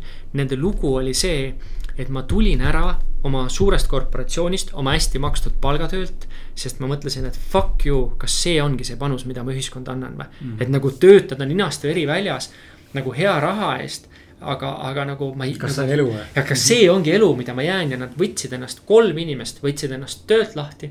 võtsid pileti, tulid rännakule, ütlesid nad järgmine aasta rändavad üldse maailmas ringi, nad olid kogunud raha. Ja tööd nad ei tee ja ma kuulasin, seal oli hästi palju ka kurbasid lugusid, päriselt nagu hästi kurbasid, südantläästavaid lugusid. ja oli ka hästi rõõmsaid lugusid, on ju. aga need nagu kõnetasid mind kõige rohkem, et nad otsisid oma nagu, nagu impact'i või nagu seda, mis on minu nagu siis, mida ma ühiskonnale annan. Ja mis on see asi, mida ma teen mm. -hmm. ja nad äh, nagu nii palju oli sihukest avanemist ja arusaamist, on ju. ja ka mina olin loomulikult ennem seda üle töötanud, et nagu ilmselgelt mul kohises taaskord jälle kõik oli pahasti. ehk siis äh, see rännak andis mulle selle et kuskil kolmandal päeval ma sain aru, et kõik töömõtted, mida ma mõtlen, on täiesti mõttetud. täiesti mõttetud, et sa käid, et see, seda nimetatakse, seda Prantsuse teekonda nimetatakse maailma kõige turvalisemaks matkarajaks sul on seal vist maksimaalselt seitse, iga seitsme kilomeetri tagant on ööbimiskoht, väike kohvik, on ju vesi. Äh, et see on nagu väga turvaline, et sa käid ja ta viib sind läbi nagu mägede, läbi orgude, läbi väikeste linnade, läbi suuremate linnade. see kõik, mida sa teekonnal näed, on nii äge, et see kuidagi lummab sind ja see, et nagu isegi kui sa saad inimestega tuttavaks, siis päeval on möla maas, kõik käivad omaette. on mingid kohad, kus saadakse uuesti kokku, äh, mingid kohvikud, juuakse tass cappuccino't ja minnakse uuesti, kes käib kõrvaklapid peas, kuulab mingit muusikat, kes istub lihtsalt kuskile äh, sinna mäe jalamile ja vaatab vaadet, on lihtsalt vait, on ju. ehk siis kolmandal päeval mul nagu foon kadus ära, nagu täiesti kadus ära. ja sealt edasi, ma arvan, mul kümnes päev oli lihtsalt nii hea olla et nagu kuidagi nii vaba ja õhtusöökidel me saime uuesti kokku kogu pundiga, sõime õhtust, viskasime nalja. Äh, ma sain sellest aru, et kui, kui nagu sihukese pundi kokku mõtlesin, kuidas on võimalik, et inimesed nii palju maailmast teavad kõikidest riikidest, see lihtsalt, see hämmastas mind, kuidas noored inimesed teavad nagu nii palju küll poliitikast, küll ajaloost, küll kõigest nagu maailmast, on ju. et kui USA ja Inglismaa lauas vaidlema läksid nagu alati hea irooniaga, siis ma mõtlesin kuidas nad kõike seda teavad, noh, vanemad mehed ka on ju, et nad nagu päriselt. Nende teadmiste see diapasoon oli nii suur, et see lihtsalt hämmastas mind. ja nad olid nii palju rännanud, nii palju käinud, nii palju, neil oli nii palju kogemusi, on ju. ehk siis mulle oli see nagu mingis mõttes silmi avav. nagu päriselt silmi avav kogemus. teises mõttes äh, suurepärane huni äh, see andis mulle tänulikkuse tunde, ma tegin esimest korda üle pika aja pai endale selle eest, kuhu ma olin nagu tänaseks jõudnud mm. -hmm. nii koolitaja teekonnal, nii nagu ettevõtete arendamises on ju. et ma nagu tegin stoppi ja mõtlesin, uskumatu, et ma olen jooksnud nagu, nagu mingi, nagu see võistlushobune. ja pole pausi teinud, kogu aeg klapid silmade peal. ma tegin stoppi, tegin endale pai, mõtlesin, kuule tegelikult on kõik lihtsalt nii super. ja mulle, mis mulle meeldis selle palverännaku puhul on see et sult võetakse otsustamisvajadus ära. sinu ainukesed otsused on see, hommikul ärgata üles, mis kell ärkad äh,, kus sa hommikust sööd, kott selga, värske vesi kaasa ja et seal on mõnikord saad, tee läheb kaheksa, saad minna pikemat teed pidi ja saad minna lühemat mm -hmm. teed mhm. pidi. et kuspidi sa lähed, kuidas sa jalutada jõuad, on ju. ja sinu ainukene eesmärk on päeval käia kuni kakskümmend viis kilomeetrit on ju, see on sinu ainukene ootus, mis sulle pandud on ja kus sa teed vahepausid. õhtul taaskord, millise öömaja sa vajad, võtad nagu on ju, pesemas ära käia, midagi süüa. ja lihtsalt vaikselt olla ja hästi öösel magada, tropid kõrvas.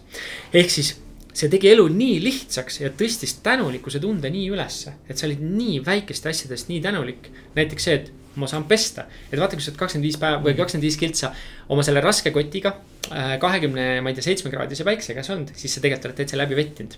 ja kui sa pesed ära ja mõtled, jesus christ, nüüd veel sööks ka ühe lihtsa toidu ja siis on kõik väga hea mm. -hmm. kuidagi see nagu vormis.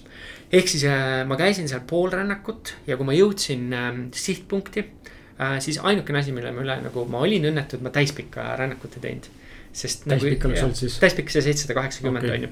ehk siis nüüd ma lähen, ma saan kevadel mais saan äh, neljakümne aastaseks on ju. et ma arvan, et ma olen oma sünnipäeval on rännakul ja ma teen selle täispika ära.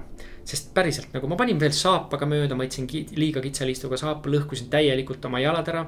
et see oli mingis mõttes läbi valu, on ju, ka käimine.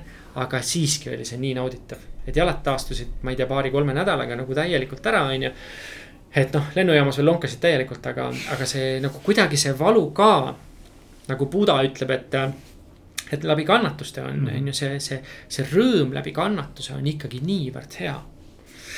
nii et ma, vaatad sa kindlasti siis äh, share'id Instas. ma share in mujal ja oma ma, siis ei share inud üldse, ma ei, ei postitanud mitte ühtegi pilti sotsiaalmeediasse. neliteist päeva olin ma sotsiaalmeediast väljas, ma kasutasin ainult chat'i oma perega suhtlemiseks äh, ma ei joonud kohvi tervel sellel teekonnal, sest mul oli niivõrd hea nagu niigi olla, ma ei vajanud endale emotsiooni boost'i hommikul, et nagu üles ärgata, sest ma olin nagu ärkvel kogu aeg. et ma siiralt soovitan kõigile, kes mõtlevad, et nagu korraks endasse vaadata, siis see on see teekond ja see on turvaline teekond selleks. et sa võid seal nagu Aira ütles, et sa võid mängida kurtuma eestlast ehk siis sa ei räägi mitte kellegagi mitte midagi, sa ainult räägid eesti keeles, sa ei saa millestki aru, sind tahetakse, no kõik tahavad ikkagi rääkida, suhelda, on ju. Et seal selline pinnapealsus on hästi suur mm. -hmm. palju inimesi rändab kogu aeg, on ju, et seal, seal rajal on kogu aeg reaalselt inimesed. ja, ja sa võid ennast ära lõigata, võid olla täiesti üksi oma teekonnal, on ju. mine käi lõpu sada, mine käi lõpu kakssada, mine käi lõpu kolmsada, on ju, vahet ei ole, teekond on paigas, võtad lihtsalt kilometraaži järgi. oli tõuse meie kõige raskem päev vist oli kakskümmend seitse äkki või. ja ühe sõpsiga Hispaania sõpsiga koos, kellega ma teekonnal tuttavaks sain. Nagu tõus oli reaalselt selline, et viieteistkraadine nurk ja mööda vana jõesängi käid. ja terve päev sadas vihma, reaalselt terve päev, sa oled üleni läbi vettinud, kõik asjad on. Telefonile oled ära pannud, on ju äh,. sa lihtsalt käidki, jalad on ka läbi vettinud, on ju, aga mõlemal on läbi vettinud ja teised võtsid need öömaad ja ütlesid, kuule sorry. me selle juraga edasi ei tule, me jääme siia, on ju. et kes millal loobus ja siis me läksime kahekesi edasi. ja lähed seda jõesängi mööda ja mõtled, jõuad lõpus mingi, mingi väikene platoo on, mõtled, davai, nüüd on kõik. Siis mõtleb, kuuled või, et meil on siit veel minna mingi kolm kiltsa. ja kilomeetri kilomeetri kaupa ja see on ka mingis mõttes sihuke saavutamise mm. -hmm. et sa oled väsinud, sul on jalad katki. aga hoolimata sellest, kilt veel, davai, suudame veel. Davai, paneme edasi ja lõpuks jõuad sinna mäe tippu ja sa vaatad sealt mäe tipult, ma ei mäleta O-tähega mingi ore, ma ei, mis iganes see mäe tipp. ja sa vaatad sealt nagu alla, kuidas nagu vihm tõ- ta nagu taandub, on ju, ja õhtul tuleb päikseloojang. Holy shit, see on lihtsalt nii võimas. Et selles mõttes jah, see on, see on vaadete teekond ja see on sisemine teekond, et seda on, see on vaja. kõik, kes on üle töötanud, siiras soovitus, tõmba minema lihtsalt, võta kott, kui saad niimoodi minna. ja tõmba ole seitse päeva, ole kümme päeva, vahet ei ole. sa teed ennast korda lihtsalt sellega ja pärast oli ainukene asi, mida ma tahtsin, et ma ei tahtnud enda pähe uusi, uuesti mõtteid tagasi. ma olin siin tagasi, ma olin värske, ma olin hea, on ju. mul tiimi läksin äh, taaskord tagasi, rääkisime. ja ainus, mis ma tundsin, ma ei taha mingeid mõtteid enda pähe tagasi, et ma nagu taaskord tulevad töömõtted, kõik mingid asjad. tõmbad jälle nagu sisse sellesse teemasse, on ju. ja huvitav jah, mina ka ju lühidalt saan nagu jagada, mina ka ju, kui spordipoes osakonna juhataja töötasin, siis pärast kahte aastat tundsin, et nüüd on kõik, ma ei suuda enam, et, et nii, Ahah. nii palju stressi oli ülevalt ja peksti jalaga perse nii kõvasti ja altpoolt lihtsalt karjuti vastu. ja siis me läksime autoga Eestist mm, kuni sinna täitsa, mis on ka see Pavoodi Hispaania välja ja siis mööda seda. sedasama äärt, Hispaania üleäärt kuni Portugali ja siis alla siia Portugalist tagasi Hispaaniast tagasi Eestisse, et aga me enamus ajast olime kuu aega Portugalis ja kuu aega Hispaanias ahah, ja see allnurk, mis on siin, siin siis Cabo de Roca, mis on siis nii-öelda ka edelaosa kõigi tipp, Ahah. Euroopa tipp nii-öelda. üldse näha neid ookeaniäärselt üldse neid päikeseloojanguid ja olla hetkes, et sa oledki, mhm. jõuad mingisse randa ja vaatad, sul on seal kämpervänni ümber hästi palju, et ah, pohhu, ma olen siin nädal aega. Jep. mõnus on, ma olen siin. ja elu läks nii lihtsaks, et nagu nii, nii sihuke teist, hoopis teistsugune mm. -hmm. täiega, täiega äge. see lõhub sind mustrist välja, et äh, äh, ma vaatan korraks äh,, mis on selle toreda koha nimi äh,. Sest vanasti nimetati seda Santiago de Compostelast edasiminekut Fiesterra. Fiesterra on nüüd siis nagu vanaks maailma lõpuks nimetati mm, -hmm. et ta oli kõige nagu läänepoolsem Hispaania serv ja siis oligi noh, ütleme, kui võtta ta tasapinda, siis Portugali sealt ütleme, sealt nurk on ka veel, Lissaboni nurk on ka sealt üles tulla. aga, aga see, see, ma ei saanud edasi minna, aga nüüd ma lähen, sellel korral ma lähen sinna sellesse lõppu välja. Ja seda vanarahvas nimetaski maailma lõpuks, et sa oledki reaalselt maailma lõpus, nii et. et ka see mõttena, ma olen käinud korra maailma lõpus ära, minu arust see on ka nagu äge, nagu äge mõttekäik, on ju. aga jah, Ehm. ärevusele aitab see kindlasti väga-väga hästi kaasa õnn ja vabadus, puudutasime korra seda teemat siin, kuidas sa defineerid enda jaoks õnne ja vabadust? Äh, õnn, õnn on minu jaoks, Keter sai ju raamatu valmis, on ju, Mhm. õnnehetked, eestlaste õnnehetked või kuidas ta nimetas seda. kaheksakümmend kaheksa õnnehetke. kaheksakümmend kaheksa õnnehetke, jumala äge nagu mõte. ja, ja siis ta küsis mult ka ja ma mõtlesin, et ma pean nagu korra mõtlema. ja, ja tead, ma olen viimased õnnehetked on sellised olnud, et, et äh, ma olen, ma käin ühte toredat kursust praegu, neurolingvistilist programmeerimist ja see on nädalavahetuseti. niisugune korra kuus, mõnikord korra kahe kuu peale on Pärnus nädalavahetus. ja, ja kuidas ma defineerin õnnehetke, ma olen viimasel ajal tundnud, ma sõidan sealt tagasi ja ma olen saanud targemaks, ma olen rahulik ja ma sõidan äh, pühapäeval peale lõunat Pärnust tagasi. ja see ongi õnnehetk, kus ma tunnen, et mul on sisimas rahu, mul on pereliikmetega rahu, kõik on hästi, ettevõtluses on kõik hästi, et see on nagu selline üldine foon kõik on väga hästi, on ju. mul on tervis korras, noh, nii korras kui saab olla, on ju, selles mõttes, et selle ärevusega ikkagi võitlen. aga, aga see on see, see õnn on nagu see hetk, kus sa tunned, et sinu sees ja sinu ümber on rahu. mina defineerin seda niimoodi, on ju, et mida rohkem ma suudan tekitada neid õnnehetki, kus ma tunnen huh,, see on praegu see hetk, seda nagu, seda ägedam on elu. Et ma ei pea kuhugi jooksma, ma ei pea kuhugi minema, kõik igalt poolt on kõik okei okay,, on ju see on, aga, ja mis sa teiseks küsisid vabadus, kuidas defineerida. ja. vabadus, vabadus on minu jaoks täna see, et ma ei ole kuskil kinni. ma, ma olen nagu nüüd, ma ei tea, kui palju, neli aastat äkki või, olnud iseenda aja peremees. ja mul on tulnud kiusatus minna palgatööle, heale palgatööle tagasi, lihtsalt selleks, et tagada endale stabiilsus, et projektid jooksevad täpselt nii, nagu nad jooksevad. vahepeal olin ise katki, ei jõudnud tööd teha, on ju, et nagu paganama lihtne oleks käia palgatööl ja olla kuskil nagu heal positsioonil ja, ja kindel palk, on ju. see oleks mingis mõttes sotsiaalne stabiilsus, on ju, või majanduslik kindlus. aga täna see, et ma teen täpselt need otsused niis, kui ma tahan, on ju, see on minu jaoks vabadus. ja ma täna, ma kardan, et ma ei suudaks enam nagu ennast raamidesse tagasi panna. olen liiga ära harjunud sellega. meil on, me oleme käed löönud äh, sellise ettevõtte nagu Eluplaan, ma ei tea, kas sa oled kuulnud, seltskonna mängukaardid. ei ole veel, ei ole. väga huvitav, et äh, me oleme nendega käed löönud ja, ja ma kasutan võimalust, et äh, nad meile saatesse tuua. Cool. ma olen nad kaasa võtnud. ja ma lasen sul, Urmas, siin äh, mänguliselt mängida. äärmiselt äge, Kohe käsib.. mul on neli pakki täna kaasas, kokku on kuus, aga neli on täna kaasas. ahah, laseme sul Martiniga valida täna, nii, valikud on Äh. karjäär, pere, partner, ekstreem. Et äh, valida sul esialgu üks pakk ja Martin avab sealt suvalise kaardi küsimusi. Äh, ma tahaksin täiega võtta seda ekstreemi, mitte et mul oleks siin partneri ja pere ja, ja karjääriga kõik mingi super hästi. ma võtan ekstreemi, teeme ekstreemi, Martin avab Martin avab, võta südametunde järgi sealt ükskõik milline kaart Oi, ja pagan. mõlemad küsimused lähevad käiku. davai. ekstreem. nii, mida Martin küsib, kõik küsimused ja anna. kuuma. kaks küsimust. näed igapäevaselt, kuidas su kolleegid ettevõtte varasid ja kliente varastavad ja petavad, aga antud olukorras on sinu sõna nende sõna vastu. kuidas käitud ja mida ette võtad? too elulisi näiteid. Äh, tead, ma selles osas ma äh, olen oma, oma eetilisuse tasandil täna kindlasti seal. Et minu jaoks nagu ausus on väga oluline, hoolimata sellest, et ma käisin ka kriminaalset äh, teekonda, siis täna ma olen väga-väga nagu selles mõttes põhimõttekindel. Äh,. ma kindlasti reageeriks selles mõttes, et ma kindlasti, ma esiteks mõistaks selle hukka ja teisest küljest ma arvan, et ma ei liiguks selle tiimiga edasi. Et meil on ka äripartner Silveriga täna selles mõttes, et me jagame nagu samu väärtusi, et äh, et äh, me oleme laua taga seda omavahel arutanud, et täna selles majandusfaasis, kus, kus me täna oleme, on majandus õnne tipul, on ju. lollidelt, öeldakse, et lollidelt tuleks raha ära võtta. me teadlikult otsustame, et kuigi me saaksime võtta koolitusraha, kuigi kliendilt võiks võtta koolitusraha, kallist raha ja kui me näeme, et see ei anna talle mingit tulemust, siis me ei võta mm. -hmm. eks me ei lähe võtma seda lolli raha, mida väga paljud võtavad, on ju, sest seda on kerge võtta ja klienti nagu trikitada. ja pärast ta ütleb, no sain ka midagi, noh, me ei lähe seda võtma, me teadlikult ei lähe seda võtma. et me ütleme seal kohal tõuseme püsti, ütleme kuule sorry, et me siinkohal ei saa sind aidata või me ei saa olla nii efektiivsed, kui me enda plaanis tahame olla, nii et äh, et see on minu vastus jah, ma sellise tiimiga ei töötaks. ma korra viskan vahele siukse mõtte, see mulle endale tundub, et see on hästi oluline iseenda vaatenurgast ja ma täna just rääkisin Martinile ka, et. äh, mul nagu sõber saatis tööpakkumise ühte ettevõttesse ja, ja, ja minu esimene mõte oli kohe see, et. kuna ma ettevõtte omanikke tean ja suhtlen nendega kuna see on avalik pakkumine, siis järelikult. Kui oleks tahtnud mind siin saada, oleks mulle pakutud seda.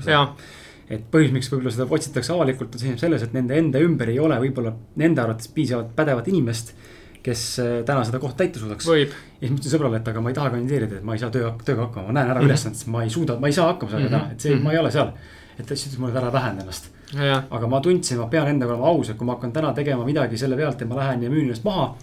mida võib-olla isegi oskaks teha, ja nüüd ma ei suuda deliver ida mm, -hmm. siis Mhm. minus on jube sitt maik jääb sisse ja võib-olla Nõus. rikun ka suht-, suhtedele, kuskilt on see piir ikkagi, et äkki tuleks siis endaga ikkagi aus olla ja vaadata otsa, et kas ma saan sellega hakkama päriselt või siis mitte, on ju, mitte utoopiasse päris ja. nõus, nagu saadet alustasime, ma tõin selle näite värbamisest on ju kliendiga, kus ma ütlen stopp, ma tulen tagasi, ma ei võta oma töö eest raha, on ju. ehk siis vot see on väga oluline, väga mm. oluline koht ja see on iseenda jaoks väga oluline, sest ma olen. et me oleme täna jõudnud äh, enesemüük kolm punkt null ajastusse, kõik on aru saanud, et nad peavad oma nimi, nimi on nendel kõige olulisem kõik on tegijad, ja tipud. kõik on tea, nad peavad vähemasti suutma luua atmosfääri, et sind võetaks tõsiselt, on ju, Google'i maastikul ka. et selles mõttes äh, ja see on, see on sisetunde küsimus ja millal on hetkel stopp panna ja millal on hetkel ka tagasi astuda, öelda. kuule, ma ei saa, ma ei saa seda sellise kvaliteediga hakkama, nagu ma tahaks, ma astun tagasi. et äh, poliitikas seda näha ei ole, on ju, aga iseenda vastu nagu, sest nimi on ainus, mis sul nagu on, on ju, et äh,, et Ja ole enda vastu. mainet ehitada võtab kakskümmend aastat aega, Just. sekundiga rikkuda, väga lihtne., just, absoluutselt. teine küsimus, et äh, väga lähedane ja kallis inimene vaevleb suures ja sügavas depressioonis. kuidas ja millega sa teda aitad? Äh, ma arvan, et kuulamine on ju, et, et mul on seda olnud. küsimus on selles, et inimesed ei taha ennast avada, me kanname maske, on ju, teie saadetest ka nagu läbi käinud, me kõik kanname maske. Meie ego vajab maski kandmist, on ju, et küll sa räägid töörollis, ma kannan töömaski. siis sa räägid sotsiaalses rollis, ma kannan seda sotsiaalset maski, on ju et ähm, kui inimene on päriselt hädas ja sa näed, siis on ikkagi nagu äh, sinu roll on proovida saada ta rääkima et see on, ma arvan, kõige, kõige olulisem, et inimesed ei, kui nad on väga auku, väga nurka aetud, siis nad ei taha rääkida. see on, ma arvan, ja siis tulebki see, mul on kõik okei okay,, on ju see, see hädavale. Et see tegelikult, enesepetmine. see enesepetmine ja kui sa näed, et seal taga on nagu kurvad silmad, on ju, et äh, aga ta ütleb seda ikkagi, siis nagu küsid kaks küsimust sealt veel edasi, on ju. et kuule, päriselt, nagu päriselt, on ju, et mm. -hmm. nagu mis, kuidas sul tegelikult on. et äh, ja kui ta avaneb, siis sa saad teda aidata ainuüksi sellega, et sa kuulad, on ju et väga raske on, kui sa oled depressiooni sattunud. ma arvan, et mul on ka olnud mingi, mingitel aastatel mingid depressiooni nagu hetked, peamiselt mul on ületöötamine olnud, on ju, aga äh, kui sa oled depressiooni sattunud, siis tegelikult oled nagu, nagu üksinda oma mõtetega. et kui täna nagu tippjuht ütleb, et sa pead ükskõik, kas su mõtted on head või halvad, sa pead saama neid kellelegi oma mentorile rääkida, lihtsalt ennast tühjaks rääkida. siis see inimene vajab ka peamiselt, et keegi mõistaks teda. et kui palju sa seal aidata oskad, noh, ma ütlen, et kui kui tegemist on depressiooniga, siis inimene on nagu kliinilises nagu juba staadiumis, milles sinu abi saabki olla ainult see, et sa oled nagu olemas, on ju. Et sa ei, tegelikult sa ei saa talle pakkuda tehnikaid, on ju. et kui mina hakkasin nagu hingamisega tegelema, siis mul väga hea sõber ütles, kes on, kes on ka nagu äh, võitluskunstide nagu instruktor, ütles, et. et vaata, kui sa hakkad seda hingamise praktikumi õppima, õppima, siis sa tead, et on erinevad, sa tead, et on erinevad koolkonnad. ja sa võid igast asju proovida, sul ei pruugi mitte millestki midagi abi olla. et nagu taaskord nagu kellelegi õpetada midagi, milles sa ise ei ole pädev, on ju, on nagu vale minu arust, et ähm, et ma olen seda, miks ma ka ütlen, ma seda nelja pluss nelja teinud. ja ma tean, et see teeb olukorra paremaks, see ei võta sul, kui sa oled ise ennast auku ajanud, see ei võta sul nagu midagi ära mm. -hmm. aga see teeb su hetke onu- enesetunde paremaks. meil on veel kolm pakki, näita veel, vali veel üks kaardipakk. tuleb veel mõni küsimus. tunneta nüüd kõvasti. nii, mõtleme korraks mm,. võtame siis partneri, ohtlik kaart. see on, see on üks nendest kaardipakkides, mis on tegelikult äh, mõeldud äh, nagu ka üks teine, mis on siis partner armastus ja partner usaldus, mõlemad mõeldud mängimiseks tegelikult kahekesti paarisega oma naise ja mehega. aga me võime täna seda mängida ta siin. kuulab kindlasti seda saadet ka, nii et selles mõttes. ja, ja, ja ma siit keskelt võtan täitsa suvalise selle näiteks. kui, et kui sa olid laps, nii, kas sinu välimust kiideti või laieti? Äh, tead, ma arvan, et äh, minu välimust äh, siiski kiideti. Minu välimust kiideti ja ma mäletan seda selle läbi, et keegi ei öelnud mulle välimuse kohta midagi, on ju, et äh, ma mäletan, et üks mu sõber, mu hea sõber, mida ma hiljem olen eneseanalüüsist teada saanud, ütles ükskord seltskonnas, et su naljad on nii sitad, et isegi keegi ei naera selle peale, aga ma teadsin, et kõik naeravad ja see mind solvas, on ju mm. -hmm. aga välimusega mul ei olnud nagu äh,, ma tahtsin ise, ma olin nagu suhteliselt sihuke kõõlus, et mul on endal poeg ka praegu sihuke nagu kõhna, on ju, et kaasaegne maailm üldse, kui sa lapsi vaatad, kõik on kõhnad, on ju, kõik modellid kõikides multikates, kõik tegelaskujud on kõhnad, on ju. aga ma tahtsin nagu juurde võtta mm. -hmm. et ma hakkasin nagu jõusaali trenni tegema sellepärast, et ma nagu tundsin, ma olen liiga kõhna ja see mingi nagu kuidagi mind ennast nagu tohutult häiris aga ma ei mäleta, et keegi oleks nagu kunagi öelnud, on ju. et mind pigem solvas on kõige põhiline see, et kui keegi ütles, et minu naljad ei ole naljakad, ma ütlesin, kuuled või. mis asja, minu naljade üle naeravad tänaseni kõik, on ju. et see oli nagu ego riivas, aga, aga jah, välimusega nagu ma ei, ei ole kunagi elus nagu sellist asja nagu kogenud. okei okay., ja teine küsimus on siis, et ähm, see on päris hea tegelikult, kas sa sooviksid kustutada kindlaid mälestusi enda mälust uh,? las ma mõtlen. Ma arvan, et ma ikkagi mingeid äh, äh, tugevas joobes ja elumere lainetel mingeid, mingeid asju ma võib-olla sooviksin. et kõike, mida ma olen teadlikult teinud ja fail inud, seda ma ei sooviks sest see on nagu viinud mind sinna, kus ma täna olen nagu läbi kogemuste edasi. on olnud väga valusaid hetki, on ju, ja on väga, väga kurbasid ja, ja väga viha tekitavaid hetki. aga võib-olla see jah, et kus ma nagu rämedalt pidutsesin ja olin ikka nagu noh, mitu päeva deliiriumis, et äh, võib-olla sealt kustutada mõned lõigud ära et mis tagantjärgi mõeldes tol hetkel tundusid naljakad, aga täna ei ole enam nii naljakad, et äh, et need jah, võib-olla sealt mõne lõigu, aga mul ei ole väga suurt midagi sellist kumb, äh, Kardi, kummad küsimused sinu meelest huvitavamad olid uh,? kumb kõnetas rohkem uh,? tead, ma arvan, ekstreem praegu kõnetas rohkem. kingime, kingime selle sulle. päriselt? Cool ma kavatsen seda ka, jaa, ma kavatsen täna õhtul seda saab mängida kahekesi, on ju. seda saab mängida, siin ongi siin kirjas, et seda saab mängida kuni kuskil, kuni kuusteist inimest. väga hea, väga hea ma Türgis mängisin elukaaslasega Ego, ei, ma ei mäleta, mis mäng oli, hästi populaarne mäng mm, -hmm. äkki olid Ego kaardid või? äkki võib-olla. mängisime seda, nüüd on äh, täna õhtul taaskord aeg võtta ette. väga äge. ja ma ei tea, on sul Martin mingi küsimus veel ei ole? minul need, mis kirja pandud on, need tegelikult me läbi, käisime läbi ja tegelikult ma tunnen, et üldse ei kõneta mind eriti. võib-olla üks asi, mis sa, kui saaksid ühe asja ainult äh, kuulajale südamele panna, siis mis see oleks mm,? ma ma paneksin kuulajale südamele seda, et kuna täna on ühiskond, äh, kõige suur ärevus on väga suur probleem, on ju, väga-väga suur probleem ja aina kasvav probleem.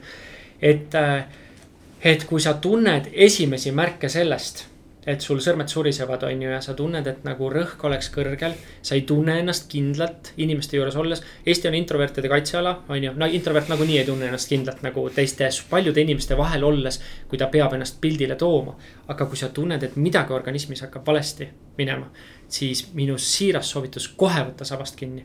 sest et siis sa saad kerge vaevaga, nii hingamiste, meditatsioonidega, ajaga looduses, mida iganes, ka kergete loodusravimitega, siis sa saad seda päästa.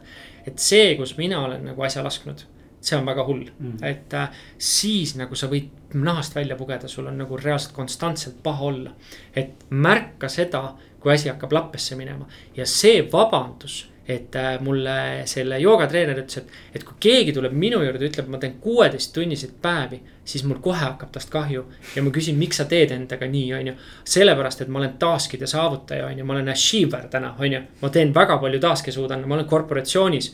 ma teen kuusteist tundi tööd, siis see on kõige valem nagu vale, mida endale nagu öelda, see on nagu kõige hukatuslikum vale.